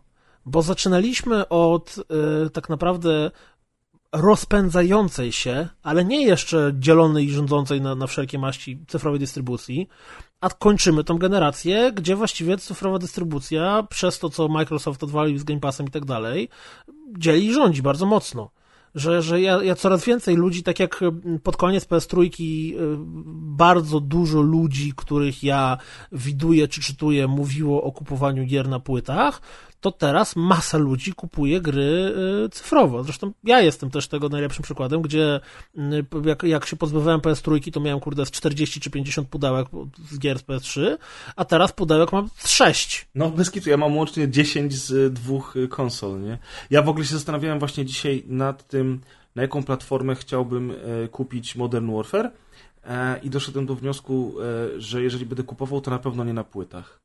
I to tylko i wyłącznie z jednego, e, nawet zapłacę więcej za wersję cyfrową, a to z tego powodu, że po prostu niewygodne jest waflowanie tą płytą, że nie będzie mi się chciało, a do Call of Duty to ja będę siadał przynajmniej parę razy w miesiącu przez cały rok, więc nie będzie mi się chciało potem szukać tej płyty, wrzucać i tak dalej, plus instalacja z płyty trwa dłużej niż ściąganie ostatnio i to jest coraz bardziej nagminne. I jakoś tak też zauważyłem, tak jak mówisz dokładnie, że te generacje kończę już 95% y, umoczony w cyfrze. I teraz w ogóle dla mnie, ja się ostatnio nad tym zastanawiałem, żyjemy w ciekawych czasach, dlatego że e, początek tej generacji i to, co Microsoft i Xbox zrobili od momentu revealu konsoli i od tego TV, TV, TV, to były straty, które e, w żaden sposób w połowie generacji były nie do nadgonienia. I nieważne, że Xbox One X jest świetną konsolą, że oni oferują bardzo dobre usługi, bla, bla, bla, że kupili milion studiów deweloperskich, które robi im gry na następnego Xboxa, to absolutnie nie ma żadnego znaczenia. Nie, nie mogłoby się zdarzyć nic, co by doprowadziło, nie wiem, nawet gdyby wyszło na jaw, ten Schreiber by zrobił artykuł, że w siedzibie Sony e, tak naprawdę e, pan, pan Sony codziennie kąpie się w krwi niemowląt, to i tak Sony wygrało tą generację, koniec, kropka, nic to nie zmieni. Bo 100 baniek PS4 przebili. Nie, no oczywiście. E, natomiast bardzo ciekawie będzie z kolejną generacją. Dlatego, że e, Sony kończy tą generację z punktu widzenia niezniszczalnego lidera. Cokolwiek oni robili, to i tak ich konsola sprzedała. PS4 Pro jest, y, powiedzmy, dyskusyjnym jakościowo sprzętem. Nieważne, sprzedaje się jak ciepło bułeczki. Y, usługi y, sieciowe Sony są takie sobie, nieważne, Sony sprzedaje się, no. I teraz tak, zaczynamy nową generację, gdzie tak naprawdę ostatnie dwa lata e, tego, co robi Microsoft, znaczy dwa lata patrząc od premiery nowej generacji, czyli, czyli tak naprawdę ten rok i przyszły rok, to Microsoft się zbroi do tego, żeby w nowej generacji przyładować z grubej rury. Tak, Po ale to mi się wydaje, że siłą rozpędu studia. PlayStation dalej wjedzie w następną generację z, z, z, całe na biało. Nie, no oczywiście, bo wiesz, w momencie, w którym masz 100 milionów klientów, to te 100 milionów klientów z automatu kupując kolejną konsolę pomyśli sobie, no dobra, czemu nie PS5? Tym bardziej oni Ale z drugiej wow, strony... wsteczna, wow, to jest jakaś nowość, to Sony wymyśliło, ale super, wszystkie moje pudełka z PS4 mogę wrzucić do PS5. Pół procenta graczy ze wsteczną. Jeszcze raz? Te pół procenta graczy za wsteczną. Nie, No i- myślisz, że pół procenta graczy? Ja myślę, że PS4... Yy, W sensie, że wsteczna nikogo. Ale to nie liczba jest prawda, była że z dupy rzucona. nikogo. To nie jest prawda, że wsteczna nikogo, naprawdę. Bo zobaczysz teraz, co się stanie, właśnie o to mi chodzi. To nigdy nie jest kwestia. To znaczy, to zawsze jest kwestia ilości yy, w grupie docelowej. Zobaczysz, że to, co się stanie z PlayStation. Ja już słyszałem takie, takie teksty.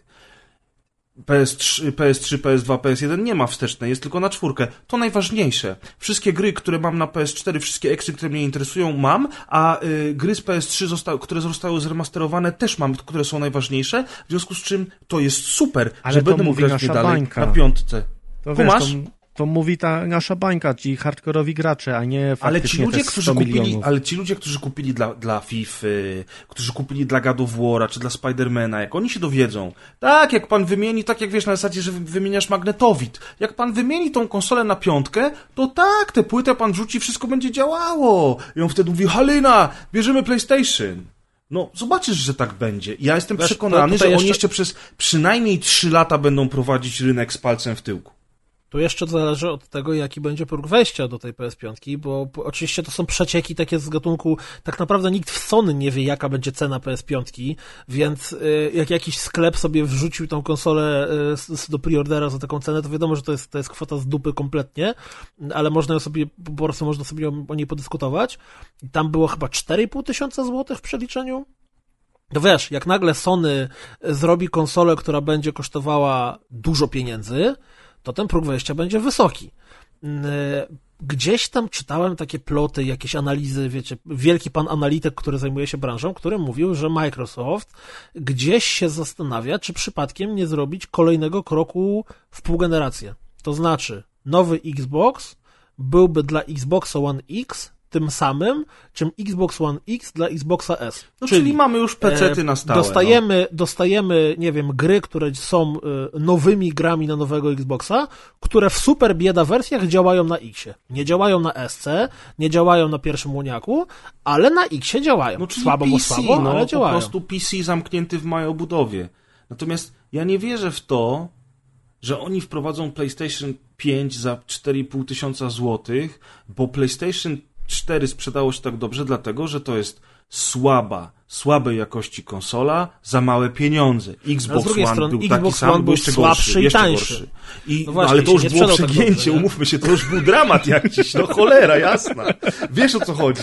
Ale zobaczcie, że Xboxowi One X udało się jednak wcisnąć w tą taką pulę maksimum 2,5, chociaż ta już na początku chyba było za 2100 zł, 2000 zł premierowo i No ja udało kupiłem im za się 1600?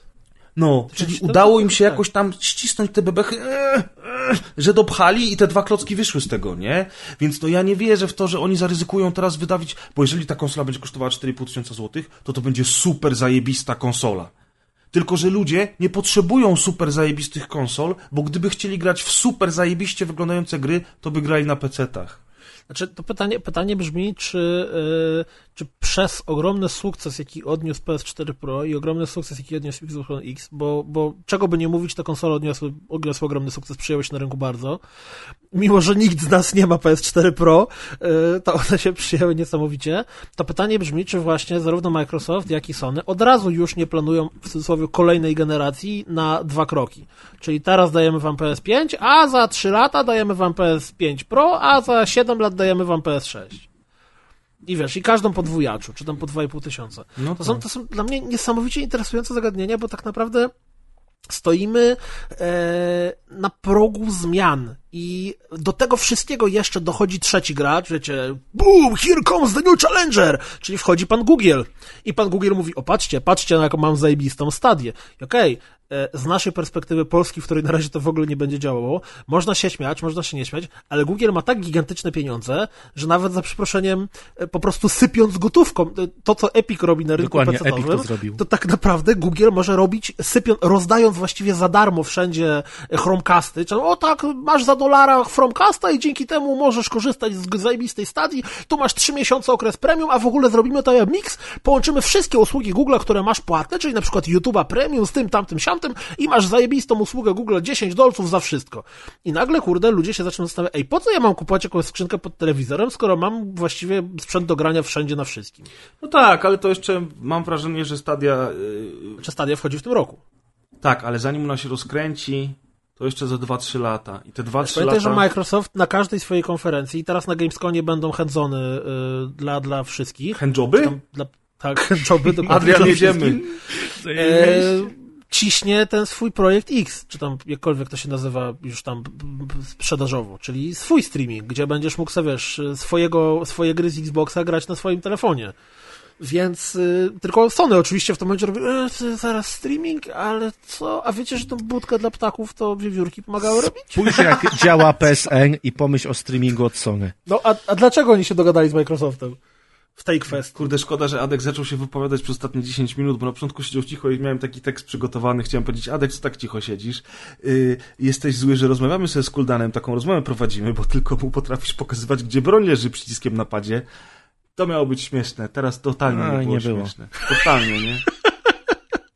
No więc generalnie y, ja naszych słuchaczy dzielnych zapraszam bardzo chętnie do dyskusji i rozmowy pod odcinkiem na, na stronie, czy, czy na fanpage'u, czy na, na grupie, bo jestem bardzo ciekawy, co wy sądzicie. Po pierwsze, to jest też dla mnie, i nawet was zapytam, znaczy, Adek to wiem, jeżeli Adek będziesz zmieniał generację, to strzelam, że PlayStation, tak? Tak, tak. Dlatego, bo byłem w Xboxie raz i w tym czasie Sony miało lepsze gry. Jak handjoby były za darmo? Teraz mam Sony i Sony ma lepsze gry, więc nie mam powodu, żeby przełączyć się na Xboxa. No ale to już za każdym razem powtarzamy to samo. Tak, a ja wybiorę Xboxa, bo dla mnie No jasnie, dlatego to pytanie jest głupie, nie? Więc to tak, Ty, ty wybierzesz Xboxa, tak Kuldan nas ale poczekaj, ale ty, to, jest, to jest tak, że ty na 100% tylko wybierzesz Xboxa? E, nie, ale ja na przykład jestem e, teraz gotowy sprzedać Playkę czwórkę. Przez najbliższy rok w ogóle nie jest mi ona do niczego potrzebna, bo Modern Warfare wezmę już na Xboxa. e, Premierowo na bank wezmę nowego Xboxa, a z PlayStation poczekam dopóki nie uzbierają się na niego eksy. Dlatego, że wszystkie gry, które są multiplatformowe ogram gdzie indziej, a pamiętam, że przy premierze PlayStation 4 te eksy to bardzo długo trwało zanim zaczęły się pojawiać. I początki prawda były jest taka, takie sobie. zawsze, zawsze, że oba, obie premiery konsol to zawsze jest tak, że na początku są gry takie, powiedzmy, jest jeden X albo dwa i one są jeszcze dyskusyjnej jakości, nie? No to zobaczymy, co pokaże teraz Microsoft, skoro tyle tych studiów wykupił, nie? Natomiast ja cały czas powtarzam, dla mnie są te usługi najważniejsze. To, że ja mam połączonego komputerka z Xboxem, wsteczna, to wszystko, cały czas dla mnie to jest numero uno. A gierki, Wiecie, co ja bym chciał mieć? gierki są dla dzieci. Jak już, jak już mówimy koncert życzeń, to jest, ja jestem wewnętrznie oburzony, wiecie, e, tak zwane stowarzyszenie wkurwionych. Jestem oburzony, że to jeszcze nie działa, bo technologicznie rzecz biorąc to nie powinien być żaden problem, natomiast nie i tak. E, Cross-save międzyplatformowy. Tak. Ja nie rozumiem, czemu, jak mam e, sobie grę Ubisoftu, która łączy się z serwerami Ubisoftu, żeby sprawdzić, jakie mikrotransakcje wykupiłem i ile mam płatnej waluty. Tak jest, czemu on ci jak- kurwa save'ów nie przenosi? Tak, czemu nie mogę w tego Adrian, samego save'a grać? pochodnie, idziemy, idziemy razem z Kuldanem. Adrian może mi to wytłumaczyć, bo jest programem. Możesz sobie pobrać takie rzeczy na konsolę z ich mniejszego serwisu? Chyba nie możesz. Znaczy nie rozumiem. W sensie nie możesz z serwera Ubisoftu pobrać sobie pliku na konsolę, czyli save'a. No ale on się synchronizuje z serwerem Ubisoftu w momencie, w którym włączam grę. Zobacz, że jak Tak. odpalasz Asasyna, to od razu wyskakuje ci się okienka, trwa synchronizacja stanu zapisu z serwerami Ubisoftu, bo serwer Z Ubisoftu musi wiedzieć, ile kupiłeś Okej, ale to serwer wie, a nie, że No. konsola wie, co ty masz na serwerze. No ale serwer wysyła to do konsoli. Ale nie pobiera nic. No ale jeżeli, pobiera, jeżeli na przykład kupiłbyś mikrotransakcję e, przez e, Jak nie pobiera? Przecież, przecież serwer pobiera informacje na przykład o zdobytych osiągnięciach, o zdobytych monetkach w Uplayu i tak dalej i to się sumuje gdzieś tam. Ja mam wrażenie, że to jest tak, bardzo to prosta więcej, odpowiedź, jak stary. wejdziesz sobie na www.uplay.com z infrastrukturą, może jest Nie, poczekaj, no ale poczekaj, poczekaj, poczekaj, poczekaj. Możesz Ale wejść I tak sobie... sobie gdybamy, więc nie rozumiem, bo... Nie, no ale nie gdybamy Dobrze, sobie. dobrze, Gdybamy, ludzie, bo nie wiemy, jak to działa. Jesteś w stanie w Uplayu odblokować nagrody, które potem pojawiają się tobie w grze.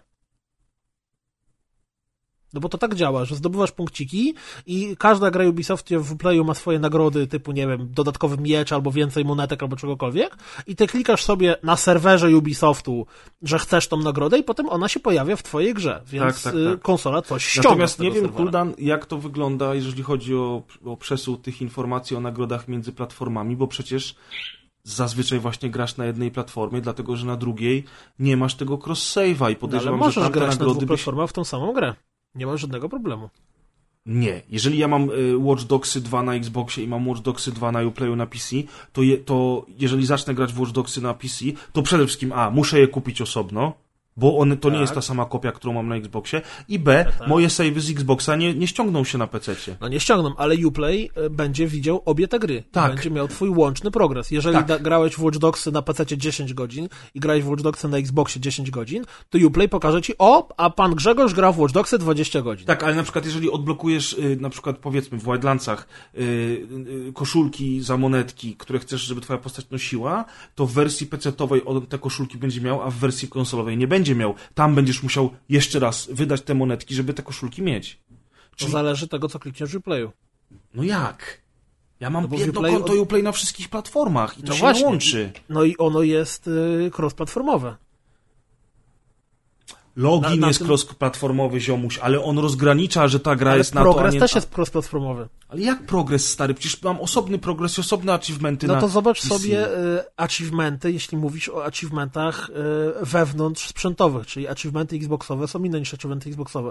Ale jeżeli No co? wejdziesz sobie na przykład w zdobywane Co on- odznaki... Słyszałeś go, co on powiedział? Achievementy achievementy xboxowe są inne xboxowe? niż achievementy xboxowe. No bo są, no jejku. Zależy, co masz w Uplayu zaznaczone, co się czepia. Jak, jak, wejdziesz, jak wejdziesz sobie w odznaki playowskie, to one są już wspólne. Nie masz podziału na platformy. To nie jest tak, że możesz odznakę za przejście story mode w Far Cry'u zdobyć oddzielnie na każdym sprzęcie. Czy jesteś pewien tego? Tak, Grałeś w Far Cry'a 5 na PC i na Xboxie? grałem w The Crew na PC i na Xboxie. Albo na, na PS4 i na Xbox, na PC. No nieważne, na dwóch sprzętach grałem w Far Cry. Far na PlayStation. To już jest taka abstrakcja, ja wiem o co ci chodzi, stary. Ale nie zweryfikował nikt z nas tego, dlatego, że nie możemy grać tę samą grę na różnych platformach, bo musielibyśmy ją kupić trzykrotnie, prawda? Znaczy, kupowanie trzykrotnie to jest mniejszy pikuś i to rozumiem, bo... Jaki e, bogol, Xbox, widziałeś, to- Adek? wiesz, Trzykrotnie nie, mniejszy no, pikuś. To, to chodzi o to, że, że, że Xbox... Ty się nie podlizuj, kasę- jesteśmy razem. Ja jeszcze was dzisiaj skłócę i na końcu będziemy grali w Xbox- Apexa z Kuldanem, a ty pójdziesz obrażony spać. Xbox chce swoją kasę, a, a nie wiem, a PS4 chce swoją kasę, działkę od kupna gry, więc to, że musisz ją kupować oddzielnie, to rozumiem. Ale czemu cross-save nie działa? Tego nie rozumiem. Powiem ci, czemu cross-save nie działa. E, dawno temu, na, na, na przykład w pirackich grach, za czasów pirackich gier, kiedy pojawiały się pierwsze DLC, a, i kiedy następnie zacząłem te gry kupować e, na Steamie, e, bo już mogłem. I okazywało się, że w piratach miałem wszystkie DLC-ki. Na przykład zbroję konia w Oblivionie. Po uruchomieniu tej gry na Steamie okazywało się, że zbroi konia nie mam i mój Steam dostawał, mój save, przepraszam, dostawał świra, albo wręcz nie pozwalał mi uruchomić gry, bo mówił, brakuje ci elementów X, Y, Z. Tak? I teraz mam wrażenie, że to jest bardzo kluczowe, dlatego że wszędzie mamy DLC-ki, mikrotransakcje, e, te, jak to się nazywają, lootboxy, skóreczki i oni tego nie chcą, żebyś łączył. Bo jeżeli ty odblokujesz na PC skórkę nową do broni w Call of Duty, to nie odblokujesz jej drugi raz na Xboxie. To masz rację, bo tu znowu wchodzi kwestia podziału kasy, dlatego że Money, kupujesz money, sobie money. skórkę na PSN-ie, to wtedy PSN bierze działkę tam, nie wiem, czy Yes, 30 czy 30% sir. na tą skórkę, a jak kupujesz tą skórkę w Uplayu, to wtedy PSN z niej nie bierze. No kurwa, Czyli co? jakie to jest, Jezus Widzisz, Adek, Maria. na pewno Adek teraz nie powiesz, że szkoda, że Maćka tu nie ma, bo dobrze wiesz, tak jak ja, że Maciek powiedziałby to samo. Czyli co? Korporacje chuje. Dobrze, to ja w takim razie proponuję, y, żebyśmy wsiedli w wehikuł czasu y, i przenieśli się na Dawaj tę krótką grę chwilę. numeru. Ja nie wiem, czy to jest gra numeru, to się okaże. Tu w ogóle dzisiaj, dzisiaj będzie ciężki wybór. Same hity numeru. są dzisiaj, mówię wam. Same hity, dokładnie. Nie bez przyczyny gadamy godzinę o takich rzeczach. A więc y, cofamy się do e, roku e, bodajże 2004, w którym to mm, From Software, które na pewno kojarzycie, jest to ulubiony deweloper Grzegorza, No kurde. no, no kurde, yy, robił różne gry, jeszcze nie byli zdani z tego, że zrobili Dark Soulsy i to są goście od Souls-like'ów. No i tenże From Software dostał zadanie zrobienia gry ekskluzywnej na konsolę Xbox. I mówimy tutaj o OG Xbox, czyli o pierwszym Xboxie. No i yy, wpadli na wspaniały pomysł, ponieważ to byli Japończycy, i że ponieważ Microsoft to jest amerykańska firma, to zrobią sobie coś, co będzie typowo amerykańskie. Ale jak to czytałem potem o hi historii powstawania tej gry, to tam pada takie ładne stwierdzenie, że oni postanowili, że to będzie coś amerykańskiego, tak samo jak Amerykanie robią filmy o ninjach. Czyli nie ma to absolutnie żadnego sensu, ani nie ma to nic wspólnego z prawdziwą ideą ninja, ale w amerykańskich filmach są ninja, no to my zrobimy grę o amerykańskim prezydencie. Bowiem w grze Metal Wolf Chaos XD, w którą to właśnie miałem okazję zagrać, wcielamy się w prezydenta Stanów Zjednoczonych, który stanął przed trudnym problemem, bowiem e, wiceprezydent Stanów Zjednoczonych doprowadził do wojskowego puczu i przejął władzę nad całymi Stanami Zjednoczonymi. Więc prezydent Stanów Zjednoczonych zrobił jedyną sensowną rzecz, którą mógł zrobić w tym momencie. Wsiadł za stery zajbiście upancerzonego i uzbrojonego mecha i zaczął zabijać wszystkich amerykańskich żołnierzy, żeby odzyskać wolność i uratować ludzi. I dokładnie taka jest fabuła, która stoi za grą Metal Wolf Chaos XD. Mówiłem o tym, że ta gra powstała ja w 2000... jestem bardzo ciekaw, od czego jest to XD? Wydaje mi się, że, znaczy, bo, bo to jest, ta gra oryginalnie nazywała się Metal Chaos Wolf. Metal Wolf Chaos. I ona pojawiła się właśnie w 2004 roku, tylko i wyłącznie w Japonii.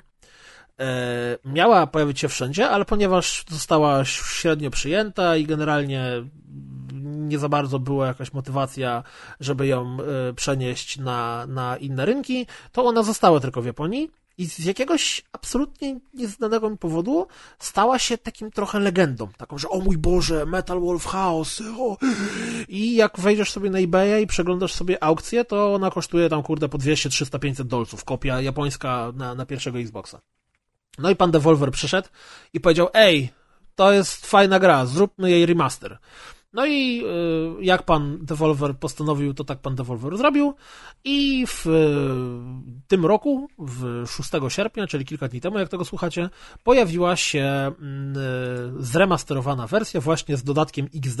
I jedyne wytłumaczenie, jakie ja znajduję, to XD jest dokładnie od tego, co ci przychodzi, czyli No od, od, od emoji, Ja dlatego myślałem, że. że... oni w tak usiedli przy tobie i powiedzieli, ty, naprawdę wydajemy remaster tej gry? No bez kitu i będziemy brać za niego pieniądze? XD. No, to, to trochę jest tak. E, gra pojawiła się na PS4, na Xboxie One i na PC, na Steamie i Gogu, z tego co pamiętam. E, ja grałem na Xboxie One i o mój Boże, o, o, o mój Boże. Mimo, że gra jest z roku tam 2004, to generalnie od momentu odpalenia jego poczułem się, jakbym odpalił PSX-a. Po pierwsze, wygląda to mniej więcej graficznie podobnie, bo, bo nieważne, że gra została, dostała wyższą rozdziałkę i tekstury są wyższej jakości. Nie, wygląda inaczej. E, Mówi się, że wszystkie nasze wspomnienia są w HD, tak? No to ta gra wygląda tak, jak w moich wspomnieniach wyglądał Twisted Metal z więcej. Nie? Czyli generalnie ogień to jest jeden sprite, tekstury to są takie, że bardziej musisz się domyśleć, czy to jest piasek, czy to jest cement, czy to jest cokolwiek innego. No więc PSX, czy tam pierwszy Xbox gra i buczy. Co więcej, e, kojarzycie te wszystkie śmiesznawe japońskie gry, gdzie tam e, główny bohater w jakiejś bijatyce musi uratować prezydenta, dlatego że go porwali ninja, nie? No, no. Albo do, z bijatyk chodzonych najczęściej ta fabuła jest jakaś taka super pretekstowa. To ja totalnie miałem wrażenie, że tu jest dokładnie, czy miałem wrażenie, tu jest dokładnie tak samo. Kiedy e, w pierwszej scenie, w intrze do gry widzimy, jak nasz główny bohater, który jest prezydentem Stanów Zjednoczonych, siedzi w tym mechu, leci z przestworzy, nie wiem, e, rozwala jakieś takie statki na pół i jeszcze cały czas rzuca takie na maksa cheesy one-linery typu o, nie spodziewaliście, że się tu wpadnę. Bum, wpadłem! Ha, ha, ha. I cały czas tak to wygląda. Mógłbyś robić polski dubbing bez kitu. No, wiesz co, musiałbym mniej, mniej entuzjastycznie mówić, Powinieneś bo mieć oni... rosyjski dubbing w tej grze. Bo ta gra dokładnie tak wygląda. To by pasowało. To wygląda jak tak, trochę tak. Co więcej, jeszcze yy, mamy cały czas jakąś panią sekretarkę, która do nas mówi i ona mówi cały czas panie prezydencie, uważaj, panie prezydencie, panie prezydencie, a to a, zabiję ich wszystkich. Co w ogóle też jest absurdalnie chore, że y, prezydent Stanów Zjednoczonych w wielkim mechu strzela do amerykańskich żołnierzy i generalnie nie daje faka tak w ogóle, ale to w ogóle. Mm, Jeśli chodzi o fabułę gry, to między misjami dostajemy coś na zasadzie e, dziennika telewizyjnego, gdzie właśnie wiceprezydent i siły jemu e, oddane przedstawiają nas jako największego terrorystę i zagrożenie dla demokracji i za pomoc w schwytaniu nas oferują nam, wiecie, kapzyliony, miliony dolarów. E, i tak z zupełnie innej beczki to mega dziwnie się na to wszystko patrzy i tego wszystkiego słucha z perspektywy tego, co się aktualnie na świecie dzieje i tego, kto aktualnie jest prezydentem Stanów Zjednoczonych i jakie ma poglądy. Bo y, to jest tak, że mógłbyś sobie wyobrazić coś takiego, czekaj, może nie mecha, który wszystko rozwala, ale jakieś takie radykalne ruchy. Gameplayowo gra wygląda w ten sposób, że sterujemy sobie naszym e, magicznym robocikiem z perspektywy trzeciej osoby. Mamy przy sobie zestaw broni, które możemy w trakcie gry wymieniać. To mogą być karabiny, pistolety, wyrzutnie rakiet, granatniki, jakiś, nie wiem, miotacz ognia, e, minigun, m, takie rakiety, które są niesterowane.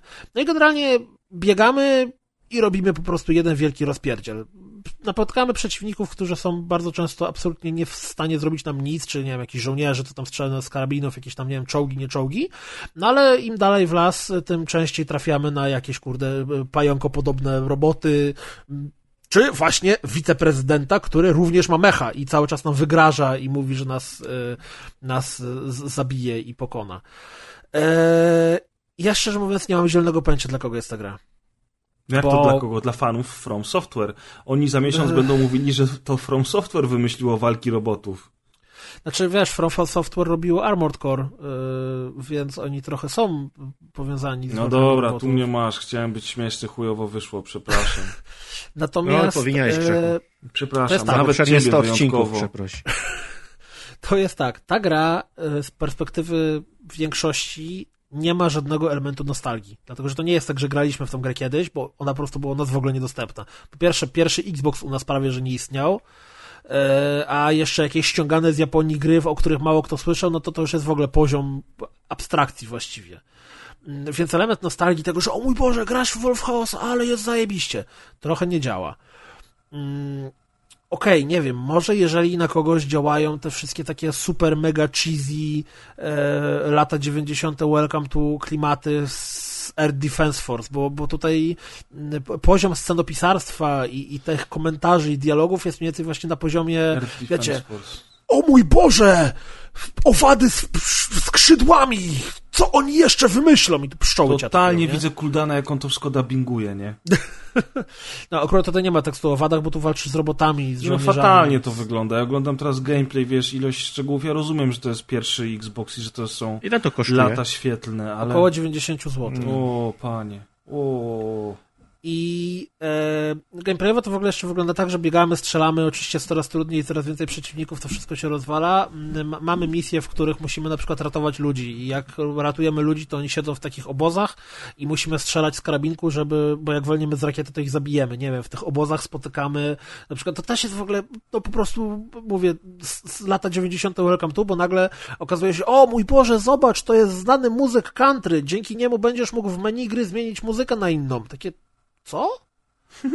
E, Oczywiście w trakcie walki e, i siania rozpierdzielu zbieramy surowce, zbieramy pieniądze, na koniec każdej misji zostajemy ocenieni, jakie robiliśmy killstreaki, znaczy killstreaki. Na przykład, co robisz ze swoim życiem? Taka ocena. Czarny ekran z lustrem. Taki. Dokładnie, czarny, I czarny. ty za to naprawdę nam zapłaciłeś? I takie XD się pojawia wtedy. E, Są, są e, kombosy, które im więcej zabijamy przeciwników w, ciągu, to tym dostajemy lepszą ocenę, dostajemy więcej pieniędzy. Między misjami mamy, nazwijmy to, garaż, w którym e, po pierwsze wynajdujemy za pomocą tych surowców, które znajdujemy w trakcie walki nowe bronie, po drugie je kupujemy i możemy się wyekwipować, więc jak ktoś woli strzelać z pistolecików, to może mieć więcej pistolecików, a jak ktoś woli nawalać z mm, Olga jest Blazing, jakieś rakiet, nie rakiet, to musi sobie je wynająć, dostarczyć ten. Same w sobie misje też są w miarę zróżnicowane, bo w jednym, nie wiem, musimy po prostu zniszczyć jakieś wieże strażnicze, a w innym mamy kilka minut, zanim wielkie działo zrobi rozpierdziel, a w trzecim musimy kogoś ratować, a w czwartym musimy pokonać przeciwników na czas. No generalnie mm, ta gra jest rozbudowana i dosyć duża i, i, i to strzelanie jest jeszcze w miarę okej, ale dalej kompletnie, ale to kompletnie nie rozumiem, dla kogo ona miała być skierowana. Bo, bo to nie jest tak, że e, ten gameplay jest jakiś super fan. To nie jest tak, że ja, ja usiadłem i nie mogłem się oderwać, bo tak zajebiście mi się strzelało. Nie, strzelało mi się tak, jakbym grał na PSX-ie. I jakbym tą grę uwielbiał za pomocą jakiejś dużej dozy nostalgii, to pewnie faktycznie, no ale do tej gry nikt nie ma nostalgii, w Polsce przynajmniej, bo pewnie nikt wie, o niej nie słyszał No nawet. tak, no ale to nie chodzi o Polskę, to przecież wydaje na całym świecie, nie? I jako taki rarytas e, który nie był dostępny wcześniej, to na pewno znajdzie swoich e, amatorów. Ale po tym, co, co, co opowiadasz i po tym, co ja widzę z gameplayów, no to wiesz, e, jak się nazywała ta gierka, która ostatnio wyszła też zremasterowana, którą robił mistrz Kojima? E, Zone of the Enders. A, no. Zone- No to Zone of the Enders, powiem ci, jest bardziej, e, bardziej e, Jest dużo lepsze. Jeżeli chodzi o- nowocześniejsze Tak, tak. niż ten... Bardziej Metal dynamiczne i bardziej. Po pierwsze, on takie- wygląda ładnie. Ten- Wygląda ten, ładnie, Remaster wygląda faktycznie jak remaster, a to wygląda jak gra na emulatorze. Nie, bo wiesz, nie? bo kiedyś, bo za, zawsze tak jest, że mamy gry, które są e, wybitne i mamy gry, które są przeciętne. I te przeciętne gry, one po latach nie bardzo mają się czym bronić, bo wielu innych kandydatów e, z podobnego gatunku e, czy, czy, czy z podobnej platformy robiło coś lepiej. I właśnie takie Zone of the Enders, mimo tego, że czuć, że to jest starsza gra i że ona lata świetności ma za sobą, to jednak miało na siebie pomysł. Chociażby te animowane wstawki, chociażby te rozmowy animowane, jakby wyjęte żywcem z filmów anime. Plus dynamika tych starć była niesamowita i ja się wcale nie dziwię, że ona robiła wrażenie na, e, e, pierwotnie na premierę, skoro w remasterze ona dalej daje radę w, w roku tam 2018-19. Natomiast jak patrzę na tego e, tutaj metalowego wilka chaosu XD, to, to wydaje mi się, że ta gra już wtedy by za bardzo mnie nie jarała. A co dopiero dzisiaj? Znaczy wiesz, to, że ta gra wtedy wyszła tylko w Japonii i nie odniosła globalnego sukcesu wszędzie, też o czymś świadczy, szczerze mówiąc. No. I to o ile e, ten cała, ta cała atmosfera absurdu, że wiesz, masz prezydenta Stanów Zjednoczonych, który siedzi w mechu bojowym i sieje rozpierdol w całej Ameryce, bo w ogóle idziemy, właśnie, bo my, y, y, że tak powiem, pozbywamy się tych, tych sił opozycyjnych w ten sposób, że y, od wybrzeża do wybrzeża przechodzimy po prostu i po kolei wszystko rozpierdzielając.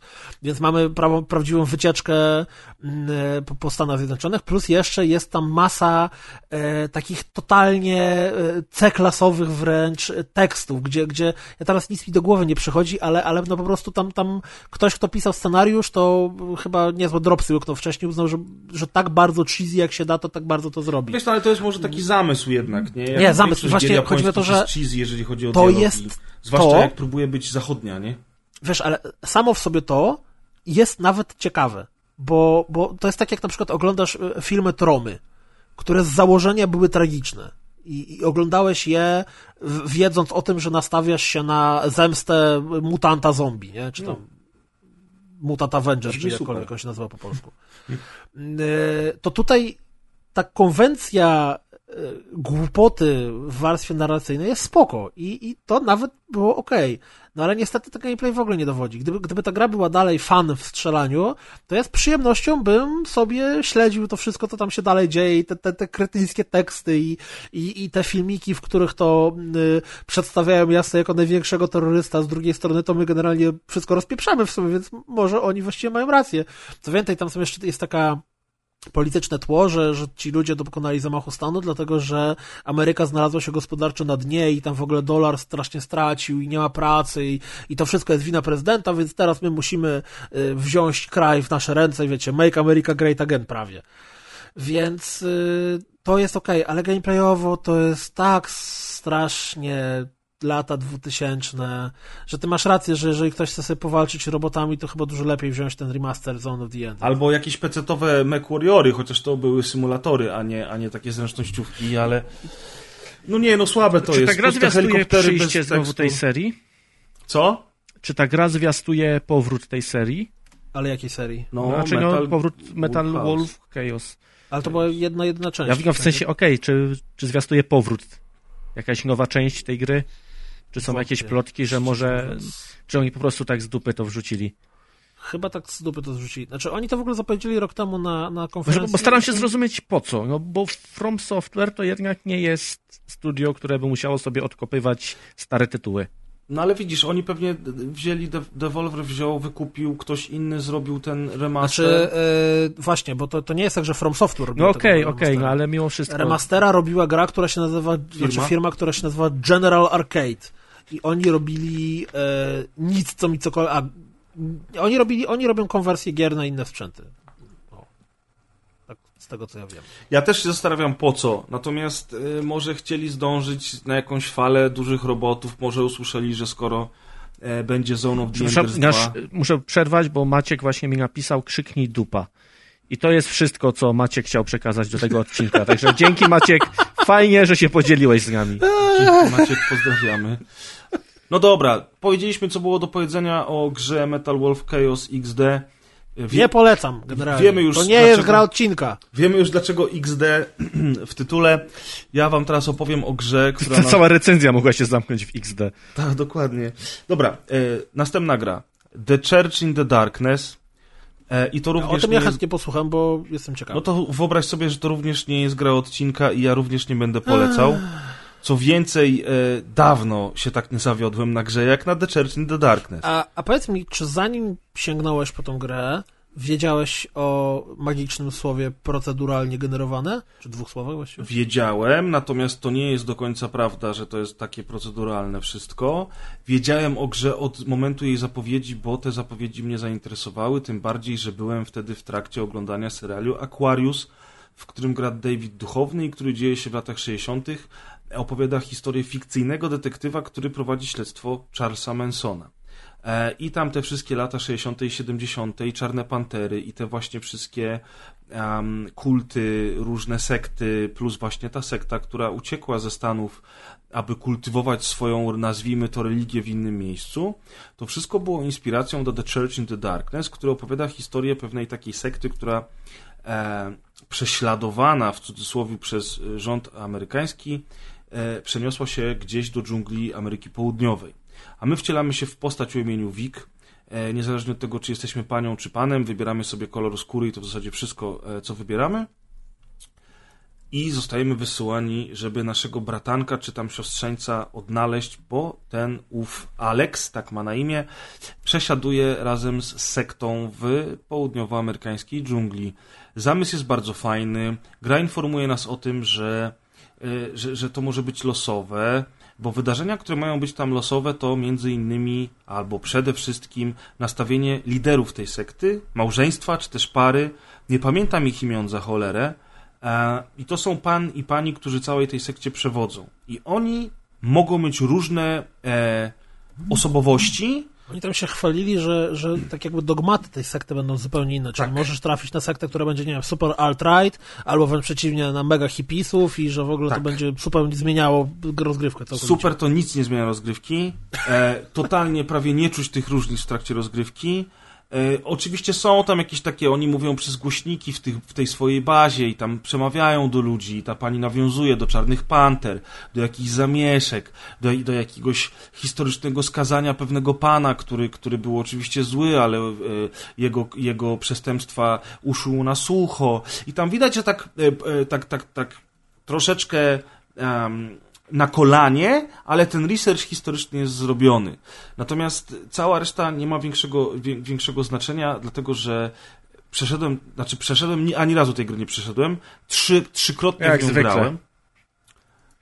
Tak, Adrian, oczywiście. Mów, mów, nie przejmuj się. Tak, tak. żeś mnie tak wybił teraz z tego, że normalnie, ale żeś wyczekał mnie, dobre. No. Y... nie przeszedłem ani razu tej gry, nie zamierzam. Zrobiłem trzy razy scenariusz, trzy różne rany, za każdym razem losując osobowości tych postaci e, tego kultu. Na czym to wszystko polega? Co ciekawe, jeżeli chodzi o, o, te, o te proceduralne rzeczy, to za każdym razem y, generowała mi się taka sama mapa. I ta mapa wydaje mi się zawsze jest ta sama, bo ona jest wręcz narysowana ręcznie, na, jak wciskasz guzik M, możesz całą mapkę sobie obejrzeć. Natomiast postaci, do których ty się musisz dostać i miejsca jakby ważne dla ciebie, y, jeżeli chodzi o, o rozwój fabuły, pojawiają się po prostu na różnych częściach tej mapy. Zresztą y, zastanawiałem się przez chwilę, czy coś mi się nie zepsuło w grze. Czy ja, nie wiem, powinienem tę grę zamknąć, włączyć jeszcze raz, czy cokolwiek, żeby ta mapa się zrobiła inna, ale jak zacząłem czytać w internecie recenzje innych ludzi, to mieli dokładnie takie same, takie same doświadczenia jak ja. E, I generalnie rzecz biorąc, te trzy przejścia w zupełności wystarczyły mi y, do tego, żebym ja wiedział, że ja nie chcę w to grać dalej. Dlaczego? Dlatego, że... Smuteczek trochę, Słucham? trochę Smuteczek, smuteczek. no tam spędziłem, spędziłem ze dwie godziny w tym wszystkim e, i generalnie rzecz biorąc e, całość polega na tym, że w losowym e, miejscu na tej mapie my się dostajemy do dżungli, przez którą musimy dostać się do naszego Alexa, po drodze rozmawiając z innymi ludźmi, którzy nas do Alexa nakierują i e, robiąc dla nich również e, poboczne misje. E, za każdym razem wystarczyło pogadać z dwiema osobami, żeby one pokazały mi dokładne umiejscowienie Alexa. Za każdym razem te osoby dawały mi e, misje poboczne, jak na przykład jedna pani mówiła, e, znajdź mi dowody na to, że sekta jest zła, to ja ci pomogę. Druga pani mówiła, dowiedz się, gdzie, gdzie są moje dzieci, bo nasze dzieci wszystkie zostały zabrane na Kubę. Ja bym stąd chciała uciec, ale nie mogę, bo nie mam moich dzieci. I za każdym razem te misje poboczne okazują się być tylko i wyłącznie pobocznymi aktywnościami, bo jak ja tylko pokazuję zdjęcie Alexa tym ludziom, to oni od razu pokazują mnie w stronę Alexa. To, że oni mają ode mnie jakieś wymagania, nie ma żadnego wpływu na, na, na główny cel misji. Co więcej, zawsze są te same dialogi, zawsze mówią to samo, nie ma innych motywacji, więc jedyne co się zmienia to ta, ta jakby psychologia, czy tam osobowość tych przywódców sekty, czego kompletnie nie czuć po samej rozgrywce, ani po tym, co oni tam bełkoczą przez to radio. No ale okej, trafiłem do jednej pani, która zasugerowała mi, że powinienem pójść do drugiej pani, ta druga pani na pewno będzie znała miejsce pobytu Alexa. Ja do Alexa doszedłem, ale w międzyczasie wywołałem alarm. O, o me, samej mechanice rozgrywki zaraz wam opowiem. I wywołując ten alarm, doprowadziłem do tego, że ludzie zaczęli mnie gonić, krzyczeć, strzelać, w związku z czym Alex był bardzo przestraszony, jak, e, jak na niego trafiłem. E, więc go obez, obezwładniłem, przerzuciłem go przez ramię i próbowałem z nim uciec z tej, e, e, z tej całej wioski, co jest akurat fajne bo w trakcie gry dowiedziałem się między innymi podczas tych trzech przejść, że mógłbym pójść pogadać z, z przywódcami tej sekty, że mógłbym Aleksowi udowodnić, że coś jest źle, że to, że tamto. Natomiast w ferworze walki i w tej bardzo, ale to bardzo kiepskiej mechanice, która, e, em, która tam się dzieje, miałem trzy różne wyniki tego, co się działo na ekranie. Za pierwszym razem zostałem trzykrotnie złapany, na samym początku gubiąc się w jakiejś dżungli, potem gdzieś tam, potem gdzieś tam, za każdym razem byłem złapany, pok- pokrzyczano na mnie, pokrzyczano, powiedzieli, no, no, no, ty jesteś bardzo zły pan, ty tutaj nie przychodź do nas, bo my tutaj mamy swoją sektę, po czym zamknięto mnie w jakiejś klatce, z której uciekłem, próbowałem się dostać, e, dostać dalej e, ponownie i tak do trzech razy sztuka, za trzecim razem po prostu mnie zabili na amen. I to było strasznie nudne i strasznie słabe.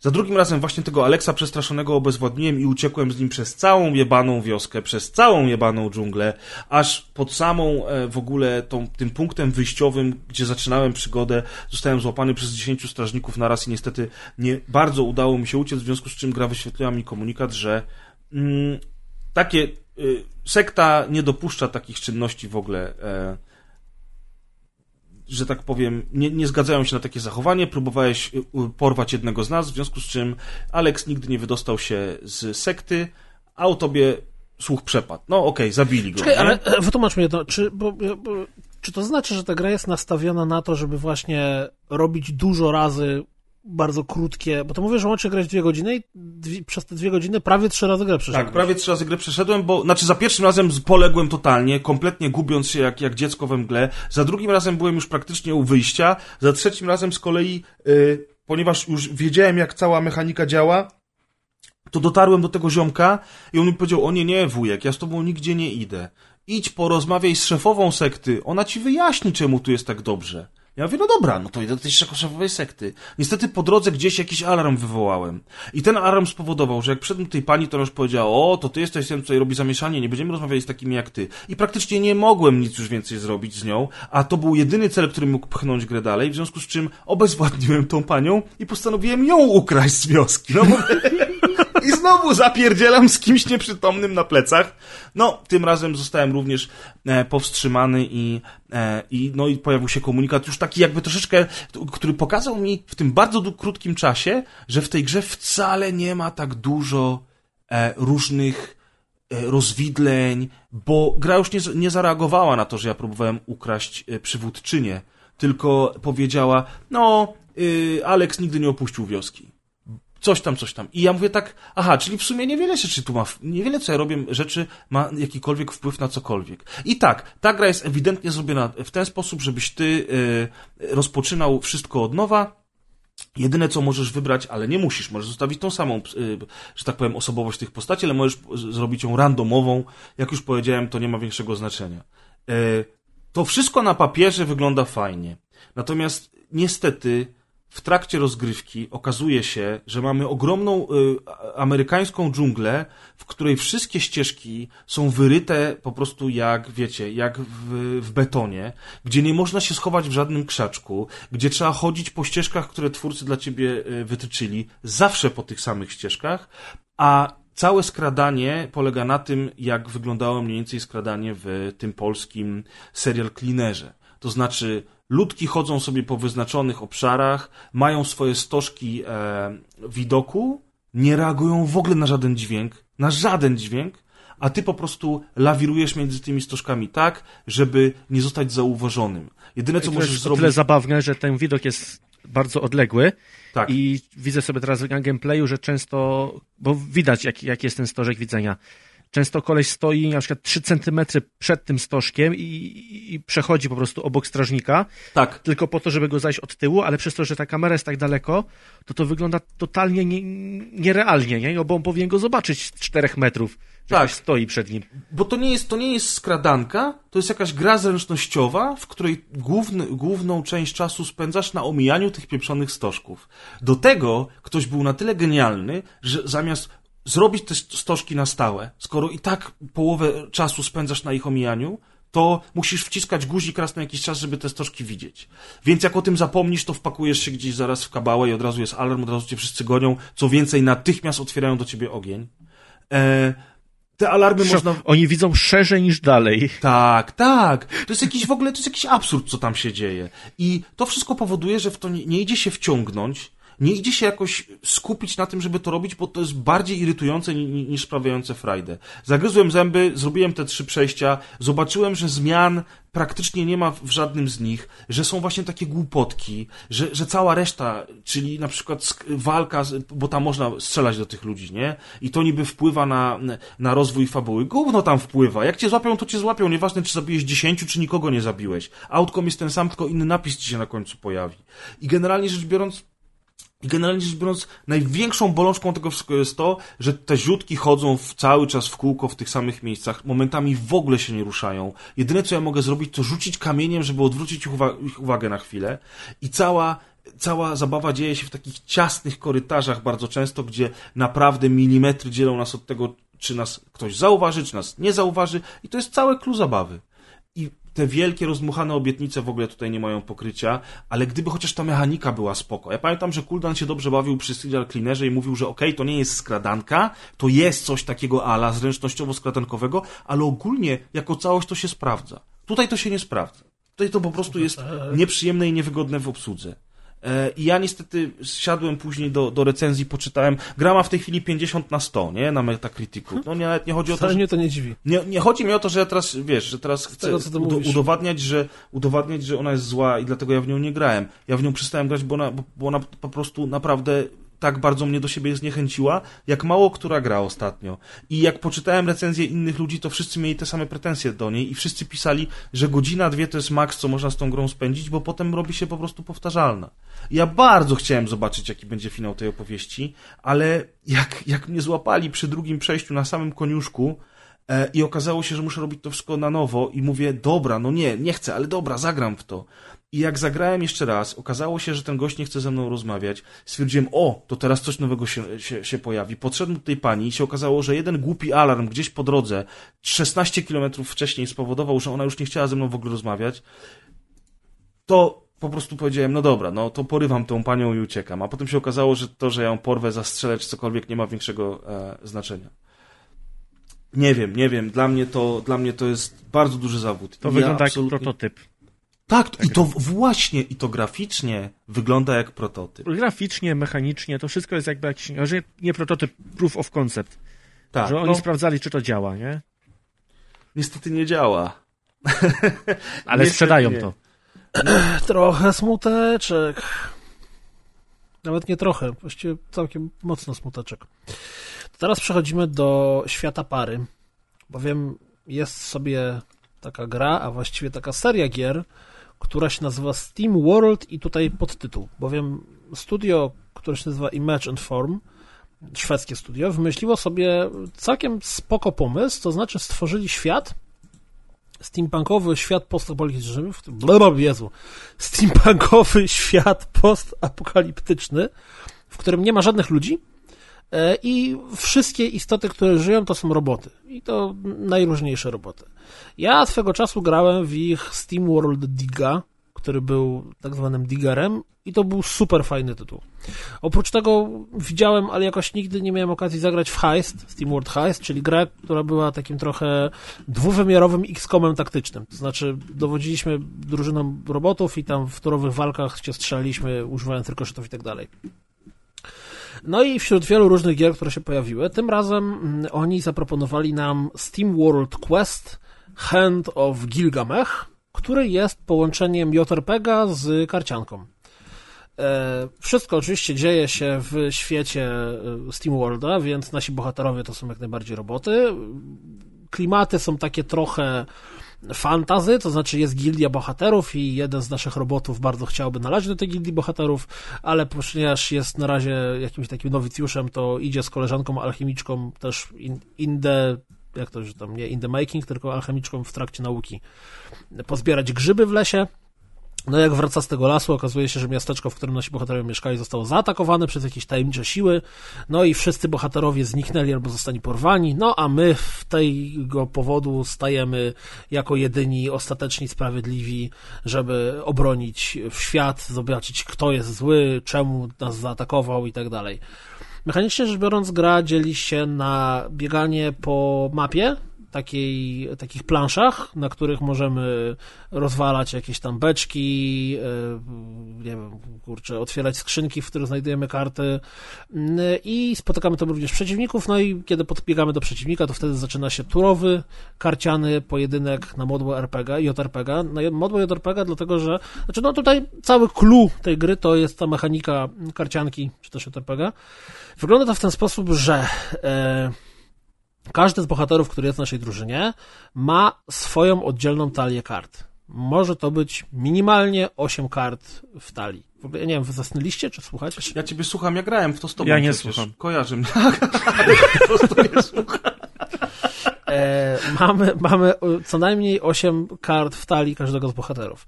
Karty dzielą się na karty, które możemy po prostu użyć, jak na przykład, nie wiem, przywalenie z piąchy, albo e, przywalenie z miecza, albo na przykład e, takie, taki shield, zrobienie takiego shieldu w przypadku pani alchemiczki.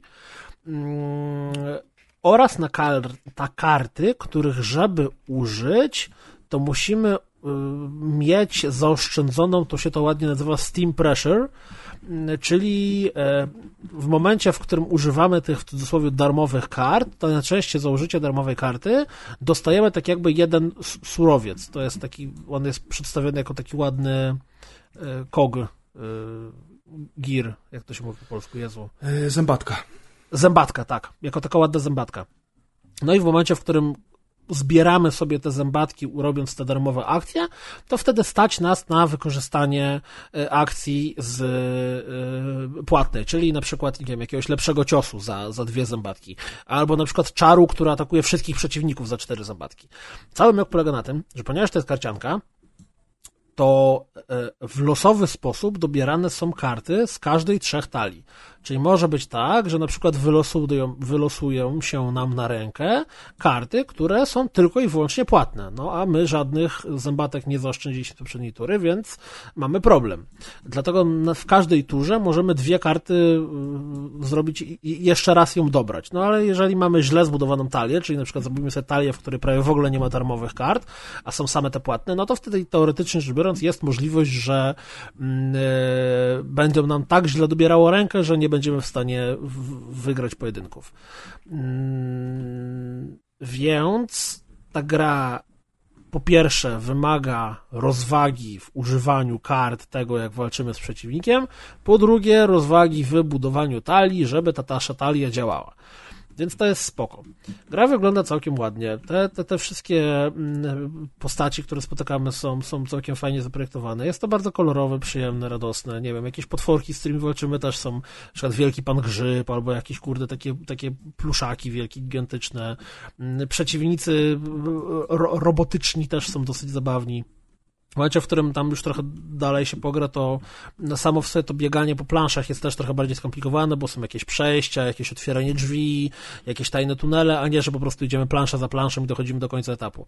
Więc potem też się zaczyna trochę kombinowania, ale absolutnie największy problem, jaki mam z tą grą, jest taki, że ona jest po prostu nudna. To znaczy, ja nie uważam się za jakiegoś mega kozaka wymiatacza i e, zdarzyło mi się nawet raz czy drugi, że któraś z moich postaci zginęła, ale sumarycznie pojedynek udało mi się wygrać.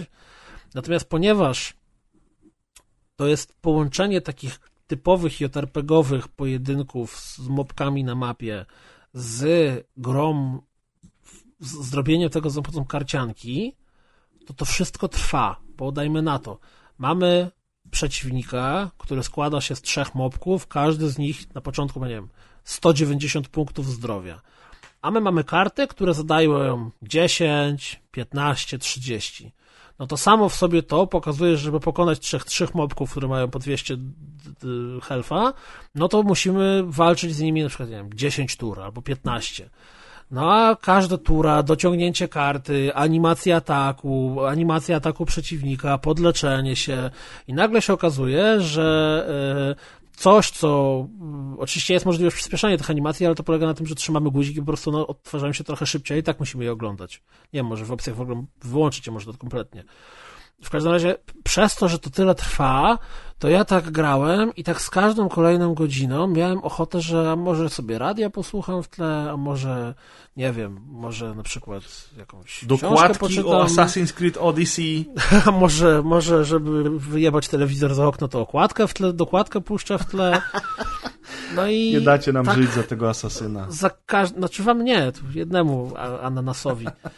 E, za każdym razem, jak e, kończyłem wieczór z grania ze Steam World Questem, to to nie było tak, że paliłem się, żeby z nią zagrać ponownie i któregoś razu jak usiadłem, to jak zobaczyłem tam ikonkę gry, to uznałem, że właściwie kompletnie, ale to kompletnie mi się nie chce w to grać, bo to jest po prostu nudne. I teraz potrafię sobie wyobrazić, że na przykład na Switcha jest na Switcha. To... Pierwsze co, jak zobaczyłem, jak ta gra wygląda, wyszukałem, czy jest na Switcha. Tak. Jest. I ja bym chciał to zagrać na Switchu. I, I totalnie wyobrażam sobie, że właśnie w takich 10-15 minutowych partyjkach, gdzie na Switchu grasz sobie jeden pojedynek, potem robisz stand-by'a, robisz jakieś inne rzeczy, bierzesz Switcha, grasz sobie kolejny pojedynek, to może być bardzo fajny tytuł. Ale jak ja w to grałem na PC-cie ee, i to jeszcze wieczorami, to niestety mnie to nużyło. Ale to nie jest tak, że to jest zła gra tylko po prostu mnie w tej formie nie kupiła. Ale naprawdę wydaje mi się, że Adek tobie na Switchu mogłoby bardzo mocno podejść. Zaraz zobaczymy, ile to kosztuje, bo szczerze mówiąc nie na pamiętam. Na Switchu stówkę, z tego co mi podpowiada.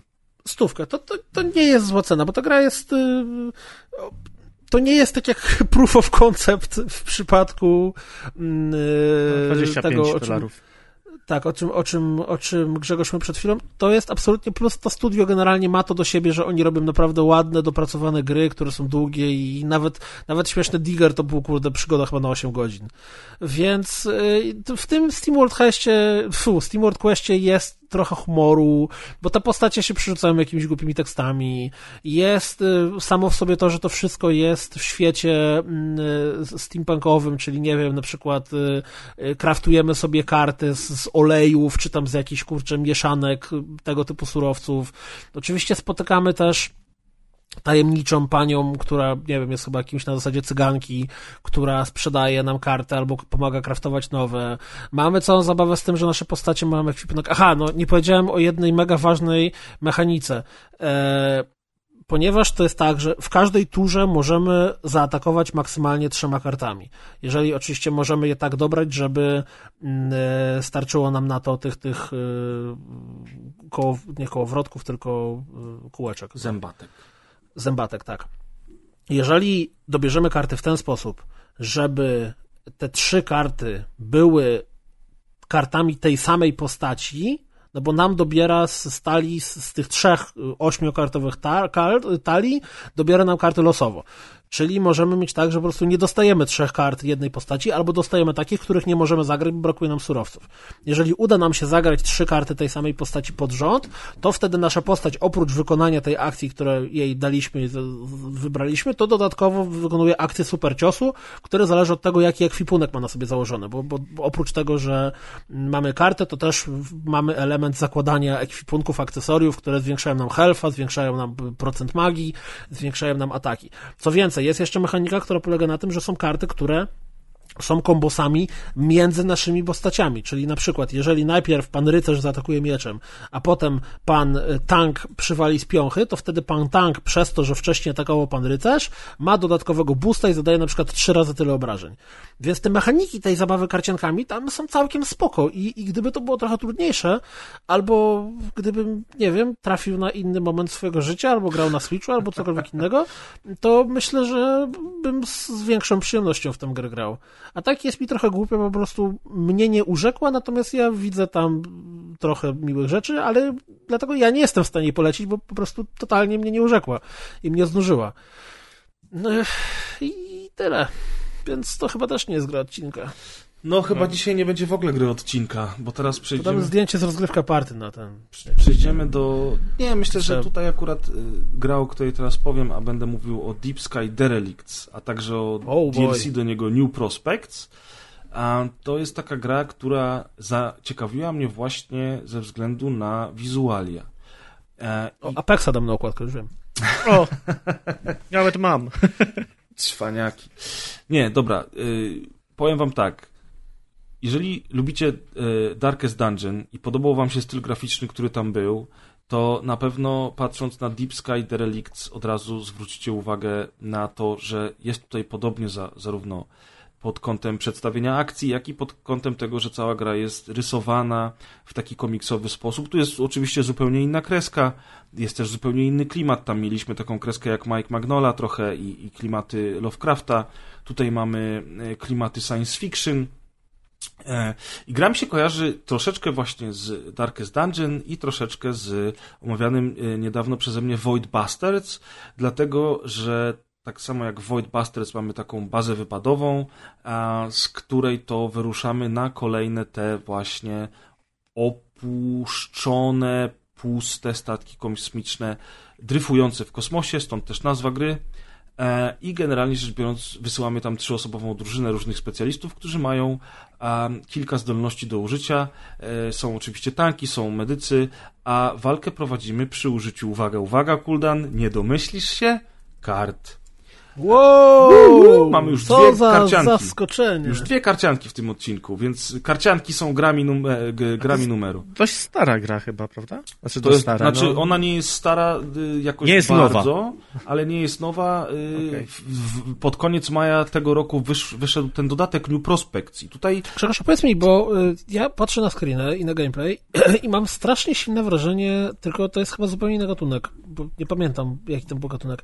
Kiedyś opowiadałeś o takim e, czymś w stylu FTL-a, tylko w post-apo na pustyni, gdzie się jechało jakimś Konwój. konwojem. Konwój. Nie, Konwoj. jeden to był konwój, a drugi to był a, Bedlam. Bedlam Redux Bedlam, tak, bodajże. Bedlam. To bed, on podobny styl graficzny ma taki jak Bedlam miał podobny styl do tej gry, to się zgadza. E, natomiast Bedlam był jednak trochę inną grą.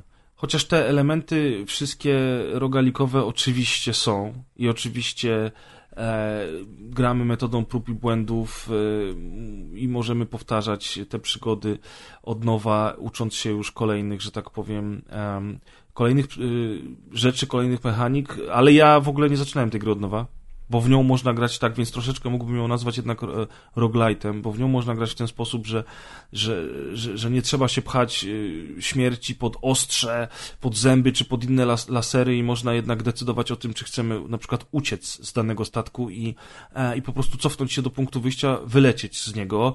W przeciwieństwie do Darkest Dungeon, gdzie raczej trzeba było brnąć do przodu żeby dotrzeć do drugiego końca tego, e, tej całej jaskini, czy, czy, czy czegoś tam, e, po czym e, podróżowaliśmy.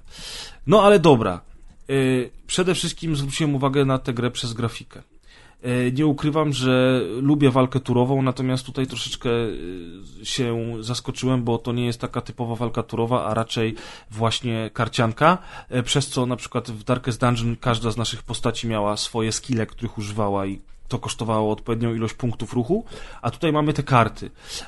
I zazwyczaj mamy kilka kart do wyboru dla danej postaci, ale możemy też wylosować sobie w trakcie walki kolejną dodatkową kartę, którą użyjemy w danym ruchu. Tutaj oczywiście wchodzi e, inicjatywa w grę i, zależy, kto atakuje pierwszy. E, Stajemy z jednej strony my, z drugiej strony potwory i zaczyna się walka z jednej strony ciekawa, bo im dalej w las, tym, tym, tym dziwniejsze stwory. Niektórzy mają pancerz, inni nie mają pancerza. My mamy zawsze shielda, na którego też musimy zwracać uwagę poza zwykłym życiem. Każdy z nas ma inne ciosy, oni też mają inne ciosy, są jakieś tam e, toksyczne, e, na przykład e, statystyki, które mogą wpływać na nasze życie, ale ostatecznie walka sprowadza się do tego, że obserwujemy dość statyczne animacje, jak jedni w drugich rzucają kamieniami. Mówmy się, mówmy się, że to nie jest nic e, szczególnie dynamicznego ani wciągającego. A czy jest ten sam problem, o którym ja przed chwilą mówiłem w przypadku SteamWorlda, czyli że przez to, że te animacje trwają, to po nie wiem, godzinie, dwóch godzinach rozgrywki masz ochotę przyspieszyć to wszystko w cholerę albo włączyć animację? Oczywiście, że tak, no bo te animacje tutaj wyglądają w ten sposób, że nagle jakby w, w, otwiera się, na głównym oknie otwiera się kadr komiksowy, na którym jest taka, taka bardzo prosta animacja pokazana, jak ten przeciwnik na przykład e, rzuca w ciebie acid infusion i rzuca w ciebie jakimś tam kwasem, albo wywala ci z bara i jest napis stan plus critical i to są takie rzeczy, które powtarzają się w nieskończoność. A ponieważ na, w konkretnym miejscu, gdzie się walczy, zazwyczaj trafiamy na podobnych przeciwników przez większość czasu, kiedy przebywamy na takim właśnie opuszczonym statku albo na planecie, bo na planecie tutaj też się ląduje, to po jakimś czasie to zaczyna nużyć. I oczywiście są różne zdolności, my te nasze postaci rozwijamy i e, możemy je udoskonalać, mamy po, potem coraz to nowsze givery, ale ostatecznie ta walka jest dosyć monotonna i ona nie jest jakby super, e, super fajna. Plus jest oczywiście trudna, bo dzisiaj wszystko musi być trudne i wszystko musi być rogalikiem i ja już mam trochę, kurwa, dosyć.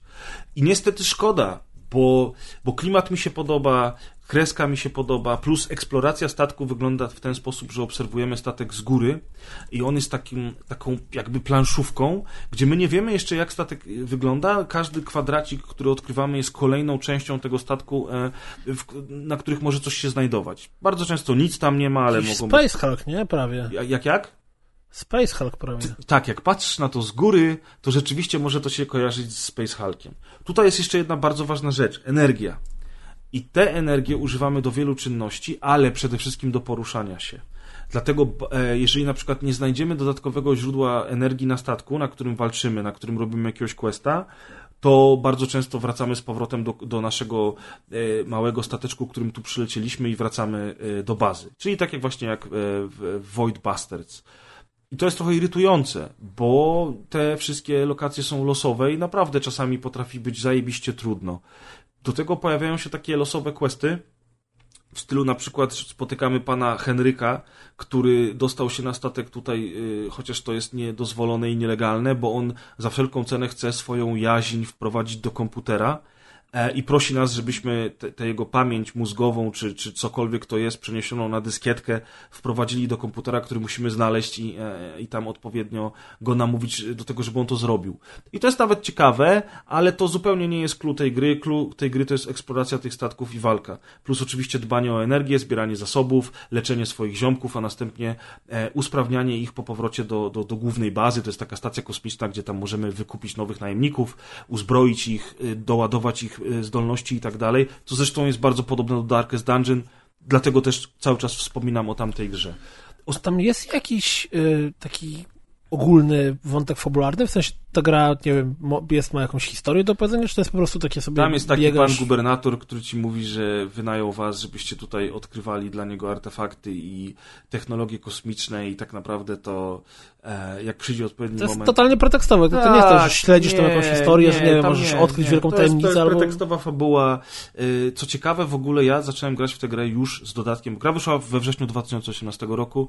Pod koniec maja 2019 wyszedł ten New Prospect DLC. Ja dopiero z nim zacząłem grać.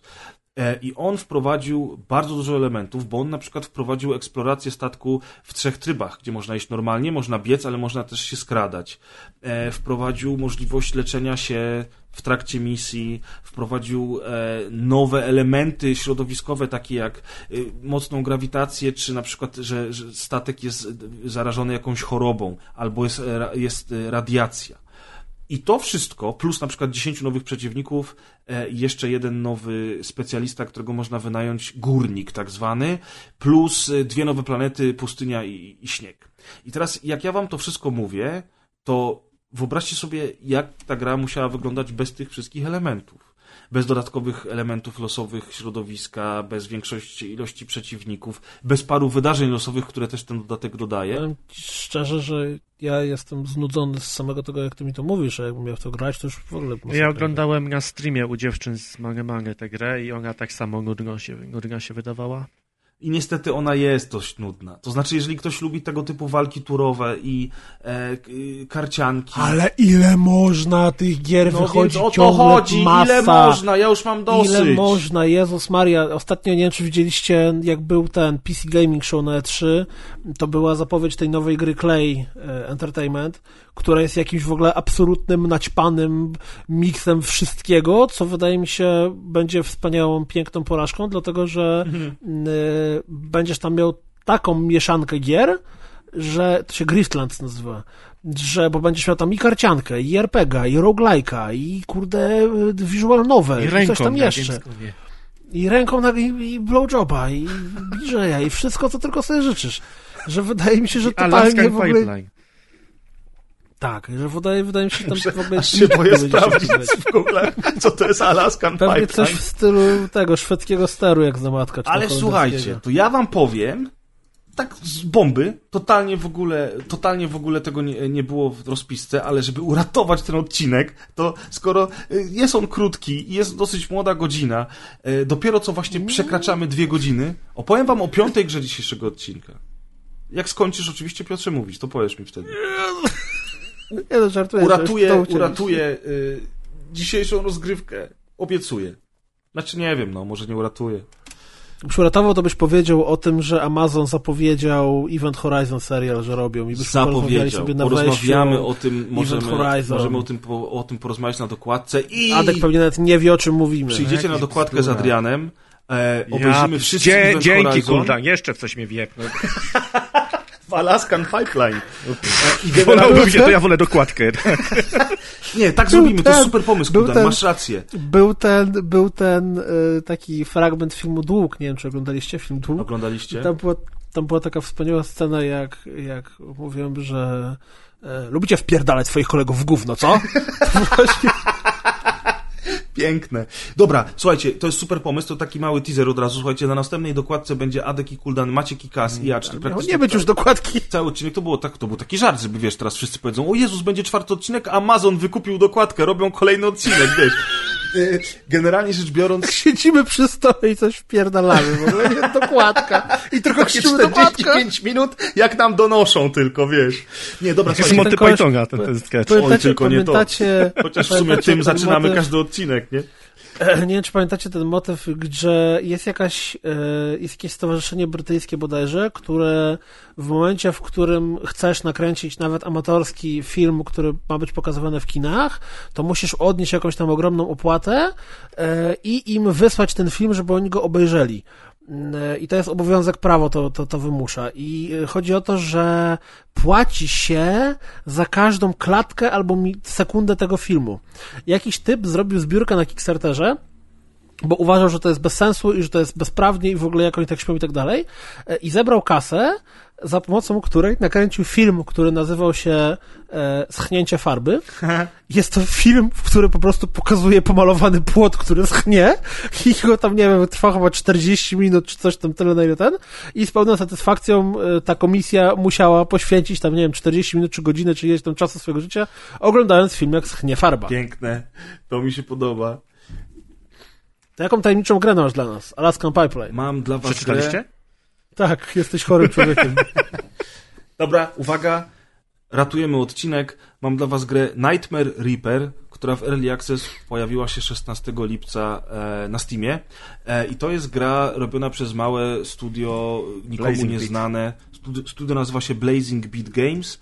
E, stworzyli do tej pory jedną gierkę, która nazywała się Mactabilis i kompletnie nic o niej nie wiem, ani nie chcę wi- wiedzieć, jak oglądam screenshoty z tej gry. Natomiast Nightmare Reaper trafia idealnie w moje e, upodobania, ponieważ e, jest oldschoolowym shooterem tworzonym dziś, Tak jak O chociażby Jezus Task. Maria, ile tych oldschoolowych shooterów To, mogę... to jest to, co ostatnio mówiliśmy z Maćkiem, że mieliśmy już wszystkie rogaliki i platformery y, w pixel arcie, które do tej pory zalewały nas y, niczym y, plaga zombie. Teraz zalewają nas oldschoolowe shootery, z czego ja się jeszcze cieszę. E, I Nightmare Reaper jest jednym z takich shooterów, które łączą stare z nowym e, i które robią to w przepiękny sposób, dlatego że to jest Ten on wygląda jak Minecraft. Wygląda, tak, wygląda bardzo dziwnie. Jest zbyt kolorowe jak na moje gusta.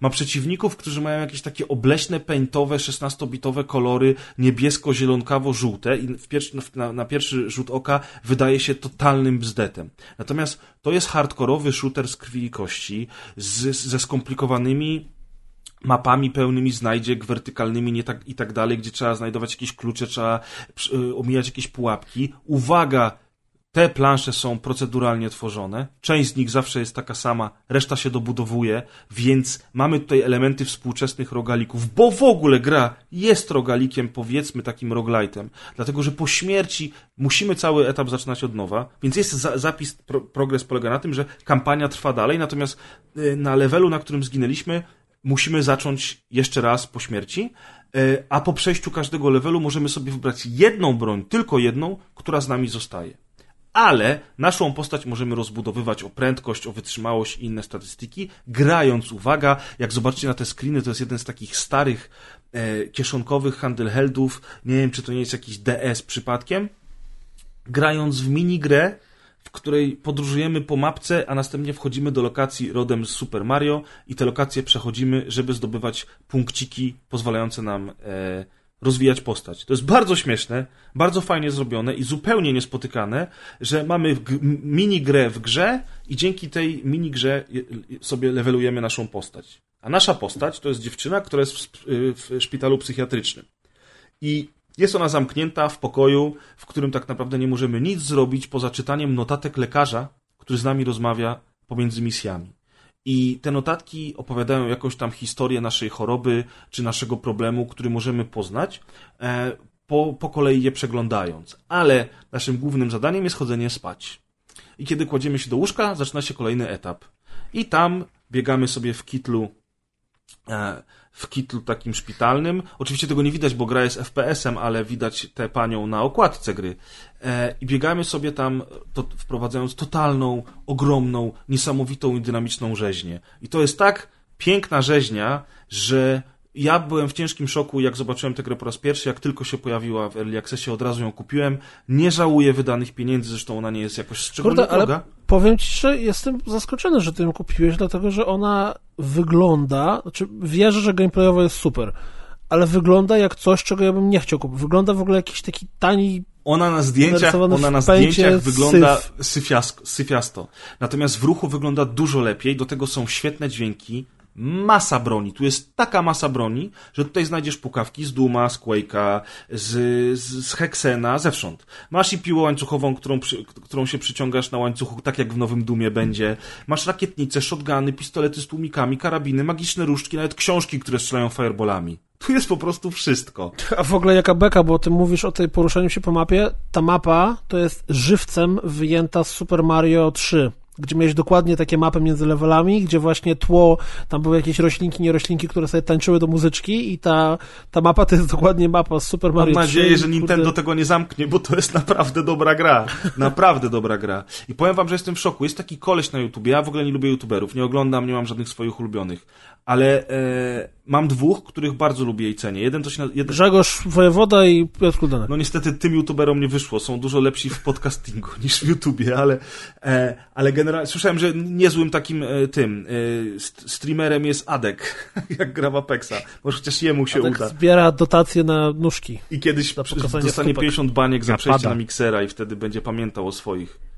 Kurwa, a ja nie gram z wami w Apexa i powie, a ty Grzegorz z nami nie Już nie grałeś. zagrasz! Rób sobie dokładkę swoją do końca życia. I, te, I te, wiesz, u teściowej ki- kiedyś na obiedzie, Grzegorz, chcesz dokładkę? Bum! Nie, to właśnie lepiej to Adek teraz na słowo dokładka, wiesz, buduje w sobie wewnętrzny rage, wróci do domu, tam do, do dobrej polskiej, śląskiej rodziny, znaczy, nie, niepotrzebnie powiedziałem po śląsk, polskiej, wróci na Śląsk, do swoich niemieckich przyjaciół i mówi, e, Aduś, Aduś, zer Adek, Ador! die dokładkę machen? Adek to. Naj, naj, naj! I koniec. Pozamiatane. No, trochę uratowaliśmy ten odcinek. E, powiem wam jeszcze tylko na koniec, że Nightmare Reaper jest naprawdę dobry. Zobaczcie go w ruchu. Jeżeli lubicie staroszkolne FPS-y, sprawdźcie go koniecznie. Drogi był? E, 68 zł. Jesus. On ma w tej chwili Złotówka od dobrej ceny. kilka, kilka dopiero epizodów. One są duże, bo każdy z epizodów się dzieje na cztery lokacje.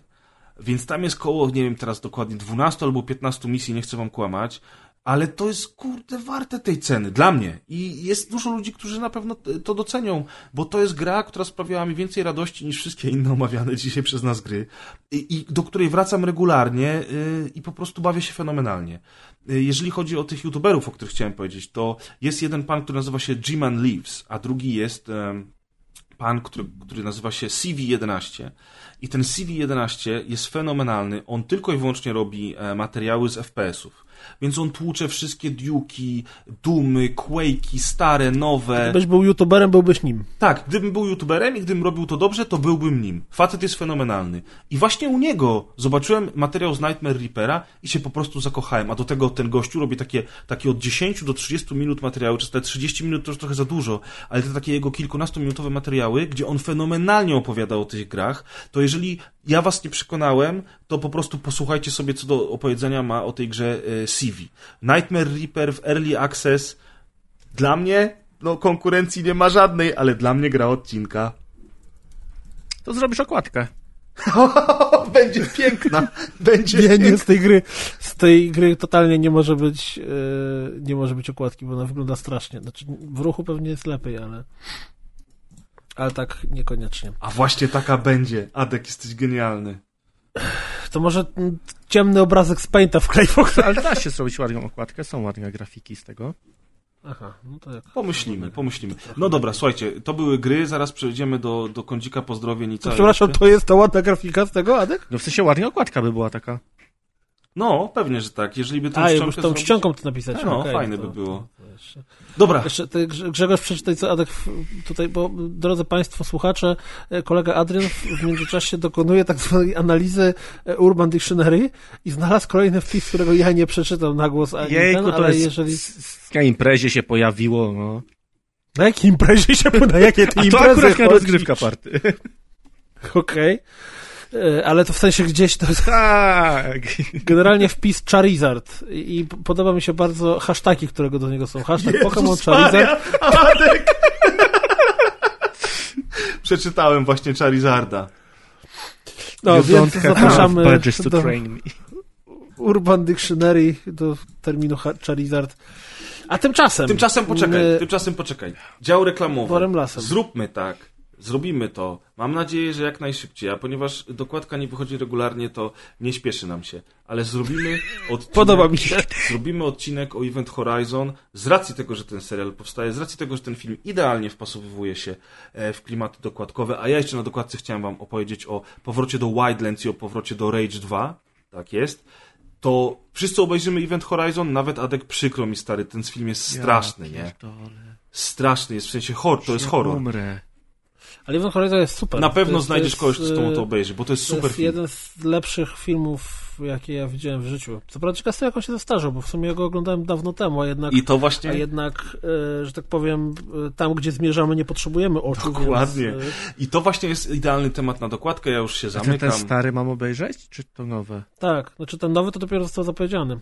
I to będzie serial w ogóle ten nowy. A ten stary nie jest taki Jezus stary, Maria, żeby tylko z tego 90. nie wyszedł taki krap jak z tego serialu, jak to się nazywało Grzegorz, na podstawie tej nowelki, yy, zapisz tę książkę grubasie. A, wiem. Yy, by, by, by, yy, The Expanse mi przychodzi na myśl, ale nie wiem. Nie, E, nie, jeszcze nie, większy krap. Expanse jest super. Tego, Martina. Yy, Night Flyers. Night No, to było- Night to było niestety kiepskie. nie kończyło się dobrze. Pamiętam, że jak skończyłeś oglądać Night Flyers, zadzwoniłeś do mnie, bo musiałeś z ciebie wyrzucić, co myślisz o tym filmie. Tak, tak, tak było. E, dobrze, tymczasem e, kończymy ten interes pozdrowieniami. Ale ładny odcinek, dwie godzinki. To lubię. Jezus Maria, kończymy odcinek jeszcze jest tak wcześnie, tyle rzeczy Jeszcze można zda- zdążymy zagrać w Call of Duty, prawda? Mm, tak Później myślałem. dogadamy. Lecimy. Po pierwsze, grzechu, naucz się, że nie mówi się okres czasu. Tak, wiem, przepraszam, to jak się mówi? Okres albo czas. Okres już jest. To zależy, już, co chcesz powiedzieć. Nie, okres już jest, już mówi o czasie. No dobra, poczytam sobie w Google i postaram się o tym pamiętać. Dziękuję. Adrian G. powiedział, że kącik do usza jest zajebisty więcej. Zgadzamy się. Kącik do usza jest zajebisty więcej. Nie ma dziś do usza, więc nie ma kącika do usza. Wróci do usz, będzie kącik do usza. Tak jest. To teraz ja czytam kolejne pozdrowienia. Y, Himareon, nie mylić z Charizardem. Pozdrawiam szanownego króla Gidore. Dajesz, Kuldan, kombinuj jak poprawnie przeczytać. Fuck, już przeczytałem, sorry. Którego żeście wszyscy zbiorowo wyeksmitowali z przytulnego świata Godzilli do świata Eragona. Aragon był u Tolkiena. I nie Aragon, tylko Aragorn był u Tolkiena. Jak już się spinamy, to proszę bardzo. A tak to gratki dla Deusza za faktycznie wybornie intelektualny kącik i pozdrowienia dla samych nudli, bo choć z nudlami barankują, to baranki rozgrywkę porzuciły. To jest moim zdaniem znowu ten szyfr w więzieniach. Oni puszczają odcinek nasz rozgrywki na apelu i potem wiesz, ten siedzi typ i tam gipsuje, znaczy grypsuje.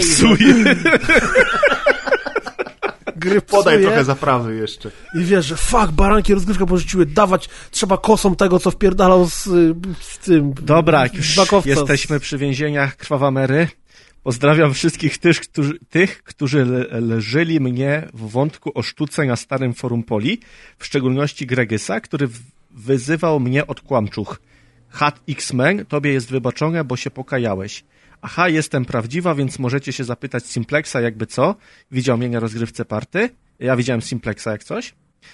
Co do rozgrywki party, bawiłam się świetnie do czasu, zresztą pisałam już o tym Kuldanowi. E, nie warto wspominać, bo to było złe. Pozdrawiam też tych, z którymi dobrze się bawiłam. Ja też się zgadzam, że grzecha nie powinniśmy zapraszać. Piękne. Słuchajcie, ja sobie po- pozwolę wstrzelić się z Pawłem Pocharskim, który nie dał hashtagu pozdrowienia w kwadracie, e, ale No ponieważ nie ma tak. niedawno razem piliśmy wódkę i był też chłopak na rozgrywka party i jest Prawie fajnym gościem, a ponieważ napisał, Wyszedł przed gałą. Znaczy, przed gałą Awards. Wyszedł przed gał. Ja chyba też. A ponieważ y, ładnie napisał, to ja tak się tutaj wpieprzę troszeczkę z tym jego komentarzem. Ależ dobry odcinek, powtórzę jeszcze raz. Kącik Amadeusza to cudowna sprawa.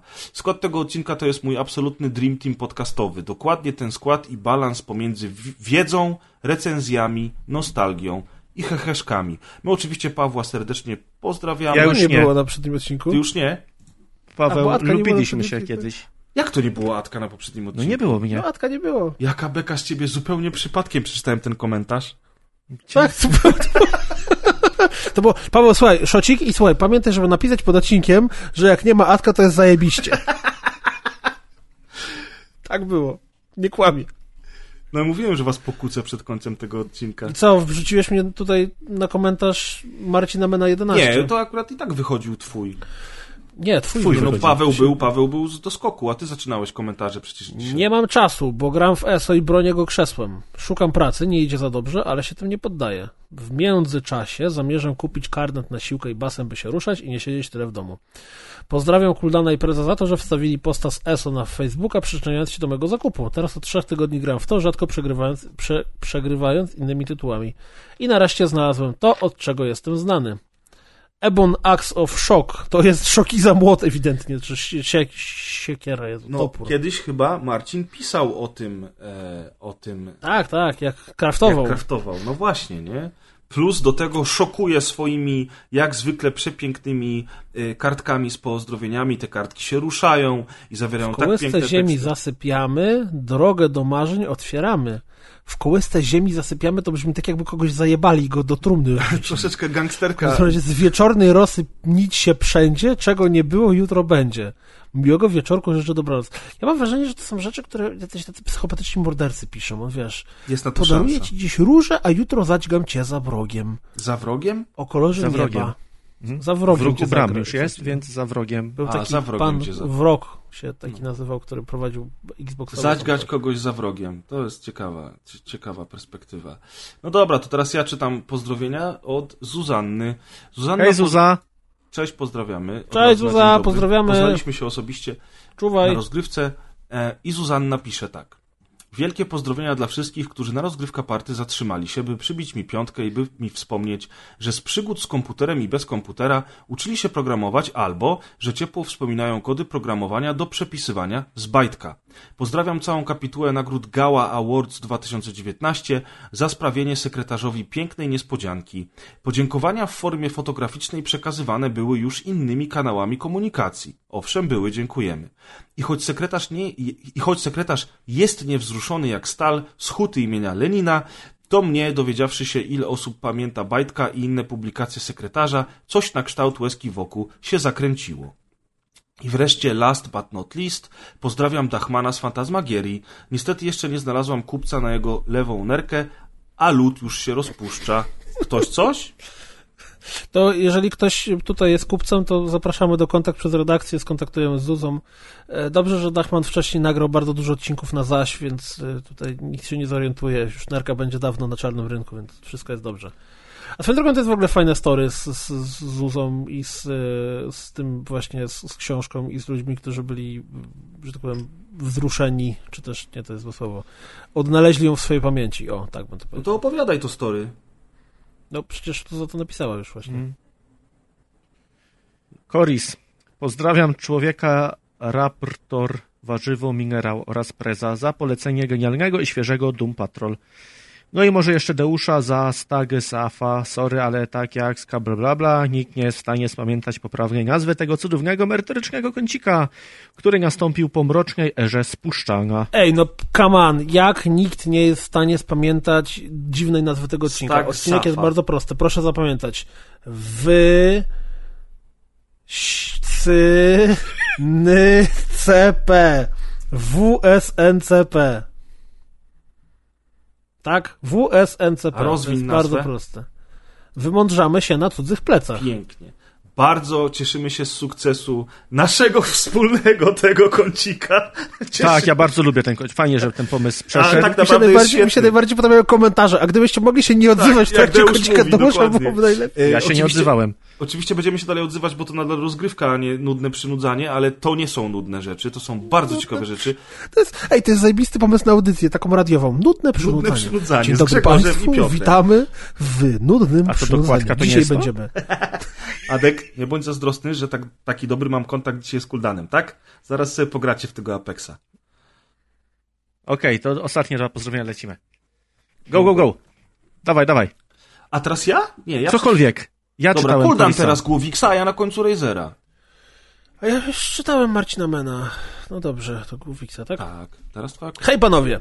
Dawno nikogo nie pozdrawiałem, więc oto jestem! Na wstępie chciałem pozdrowić was, szanownych redaktorów. Podczas podróży samochodem umilacie czas mojemu synowi Aleksandrowi, żonie Katarzynie i mi. No, kurde, synowie Aleksandrowi... Może ma 28 lat na przykład. A, to okej. That's a bold move, Koton. To jest generalnie... Córka Alicja też mimo uchem was słucha, ale nie kuma. Może i lepiej. Mroczna era spuszczana. Jak już wdepnąłem, to chciałem też ich najmocniej pozdrowić za to, że znoszą mnie moje zachciewajki, a również fobie. Bycie rodziną chyba na tym polega, co nie? Na zrozumieniu. Korzystając z okazji, chciałem złożyć najserdeczniejsze życzenie urodzinowe mojej żonie, przedwczesne lub spóźnione. Misiak, ty wiesz, wink wink, Wszystkiego dwukropek, cudzysłów, cudzysłów. Sto lat, sto lat. Niech żyje, żyje nam. Kontynuując, chciałem pozdrowić Gacka, którego namówiłem do słuchania was i ostatnio po pijaku wyznał mi, że jesteście mega, me, me, me, mega. Niedługo później wyjebał się na elektrycznej hulajnodze. Pozdro, Gacek.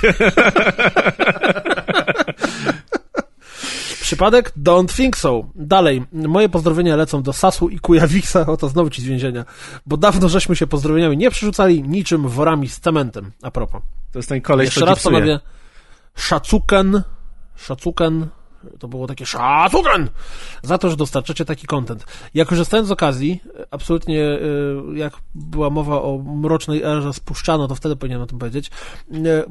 Y, Serdeczna prośba jest, żeby Spuczan y, się do nas odezwał, czy to przez dyskusa, czy w jakiejkolwiek innej formie, nie wiem. Maila najlepiej, niech napisze. Maila Messenger- generalnie Messenger na dowolnie jak może się odezwać, bo Spuczan nie wie, że w trakcie Gala Awards dostał nagrodę za y, najlepszą ksywę, najlepszy pseudonim 2019 i chcielibyśmy ją y, serdecznie wysłać pocztą, mógł, żeby mógł pochwalić się rodzinie, na ścianę walnąć. Więc, drogi Spuczanie, y, prosimy odezwij się do nas z celem przesłania tobie twojej nagrody. ja od razu z, y, z Puczanowi powiem, że y, kolega właśnie Coris, który pisał w pozdrowieniach o Raptor, warzywo, minerale oraz o mrocznej erze spuszczana, zainspirował mnie do stworzenia nowej rzeczy, a mianowicie rozgrywka Cinematic Universe i podpisujemy już z Amazonem y, papiery, szykuje się serial o mrocznej erze spuszczana, czyli Czemu najpierw z Amazon- Amazonem? Ja nie chcę z Amazonem. Ale najpierw dlaczego z Amazonem? Dlatego, że Amazon robi właśnie teraz y, serial o drugiej erze y, w świecie Tolkiena, więc u nas będzie z kolei o erze spuszczana już będą mieli s- Kto zrobi. Ziemię 88? Ziemię 88. 8, 8 to grzechu. No właśnie, tak pytamy. To będzie kolejny, to będzie kolejny film, być może serial, rozmowy y, y, trwają z Netflixem, także y, rozgrywka Cinematic Universe w skrócie RCU już się szykuje. Szykujcie kasę na bilety, a tymczasem ostatnie pozdrowienia, ostatnie nawet pozdrowienia napisał do nas nikt inny jak Maciek, czyli Razer, o którym wspominaliśmy dzisiaj podczas odcinka kilkukrotnie. I Razer z dopiskiem BOSS, tak w ogóle, No pisze właśnie. tak. Razer pisze tak. Kuldan, pamiętaj, żeby zapisać MP3 w 96 KB na sekundę, żeby odcinek nie ważył 300 mega. Dawno nie gadałem z Atkiem, niech opowie coś o swoich postępach w byciu skate'em. Ostatnio nie miałem czasu za bardzo jeździć, więc ani nie ma nowych... Ile razy się Nie, ani razu się nie wyjebałem. Ale no bo ile razy się wyjebałeś? W sensie ostatnio od tamtego czasu ani razu, ale od tamtego czasu byłem dwa razy na desce, Nie jeździłeś więc... od tego czasu do desce. Nie, dwa razy jeździłem, się nie wyjebałem, więc jest progres. Ale to nie było tyle jeżdżenia, ile bym chciał. Także myślę, że jeszcze wrócę z wyjebywaniem się. Totalnie, na totalnie na twoim, historię. twoją bratnią duszą powinien być niejaki Oliver Tree, który jeździ na hulajnodze, który, który robi piosenki, a do tego robi też e, śmiesz, śmieszne skecze na... Myślałem, że e, Gacek, Twitter. który się wyjebał na hulajnodze. Nie, nie, Gacek się z wami na pewno dogada i będzie mógł do waszego gangu kiedyś dołączyć, ale obczaj sobie Oliwiera. Gangu ludzi, którzy wyjebują się na jeżdżących maszynach. A właśnie, ludzie, którym się udało. Ja zapomniałem, że mamy taką naklejkę i po prostu tak się śmiałem na rozgrywka party z tej naklejki. To jest chyba najlepsza nasza naklejka. Ludzie, którym się udało. Po prostu coś pięknego. Aż sobie sam jedną schowałem do portfela. Kończymy, co? Kończymy. Eee, cześć. Pa. Cześć. To co, Call of Duty? Ja ten, wiecie, że tą budkę dla ptaków to pomagał robić. Dobra, cześć, trzymajcie się, pa.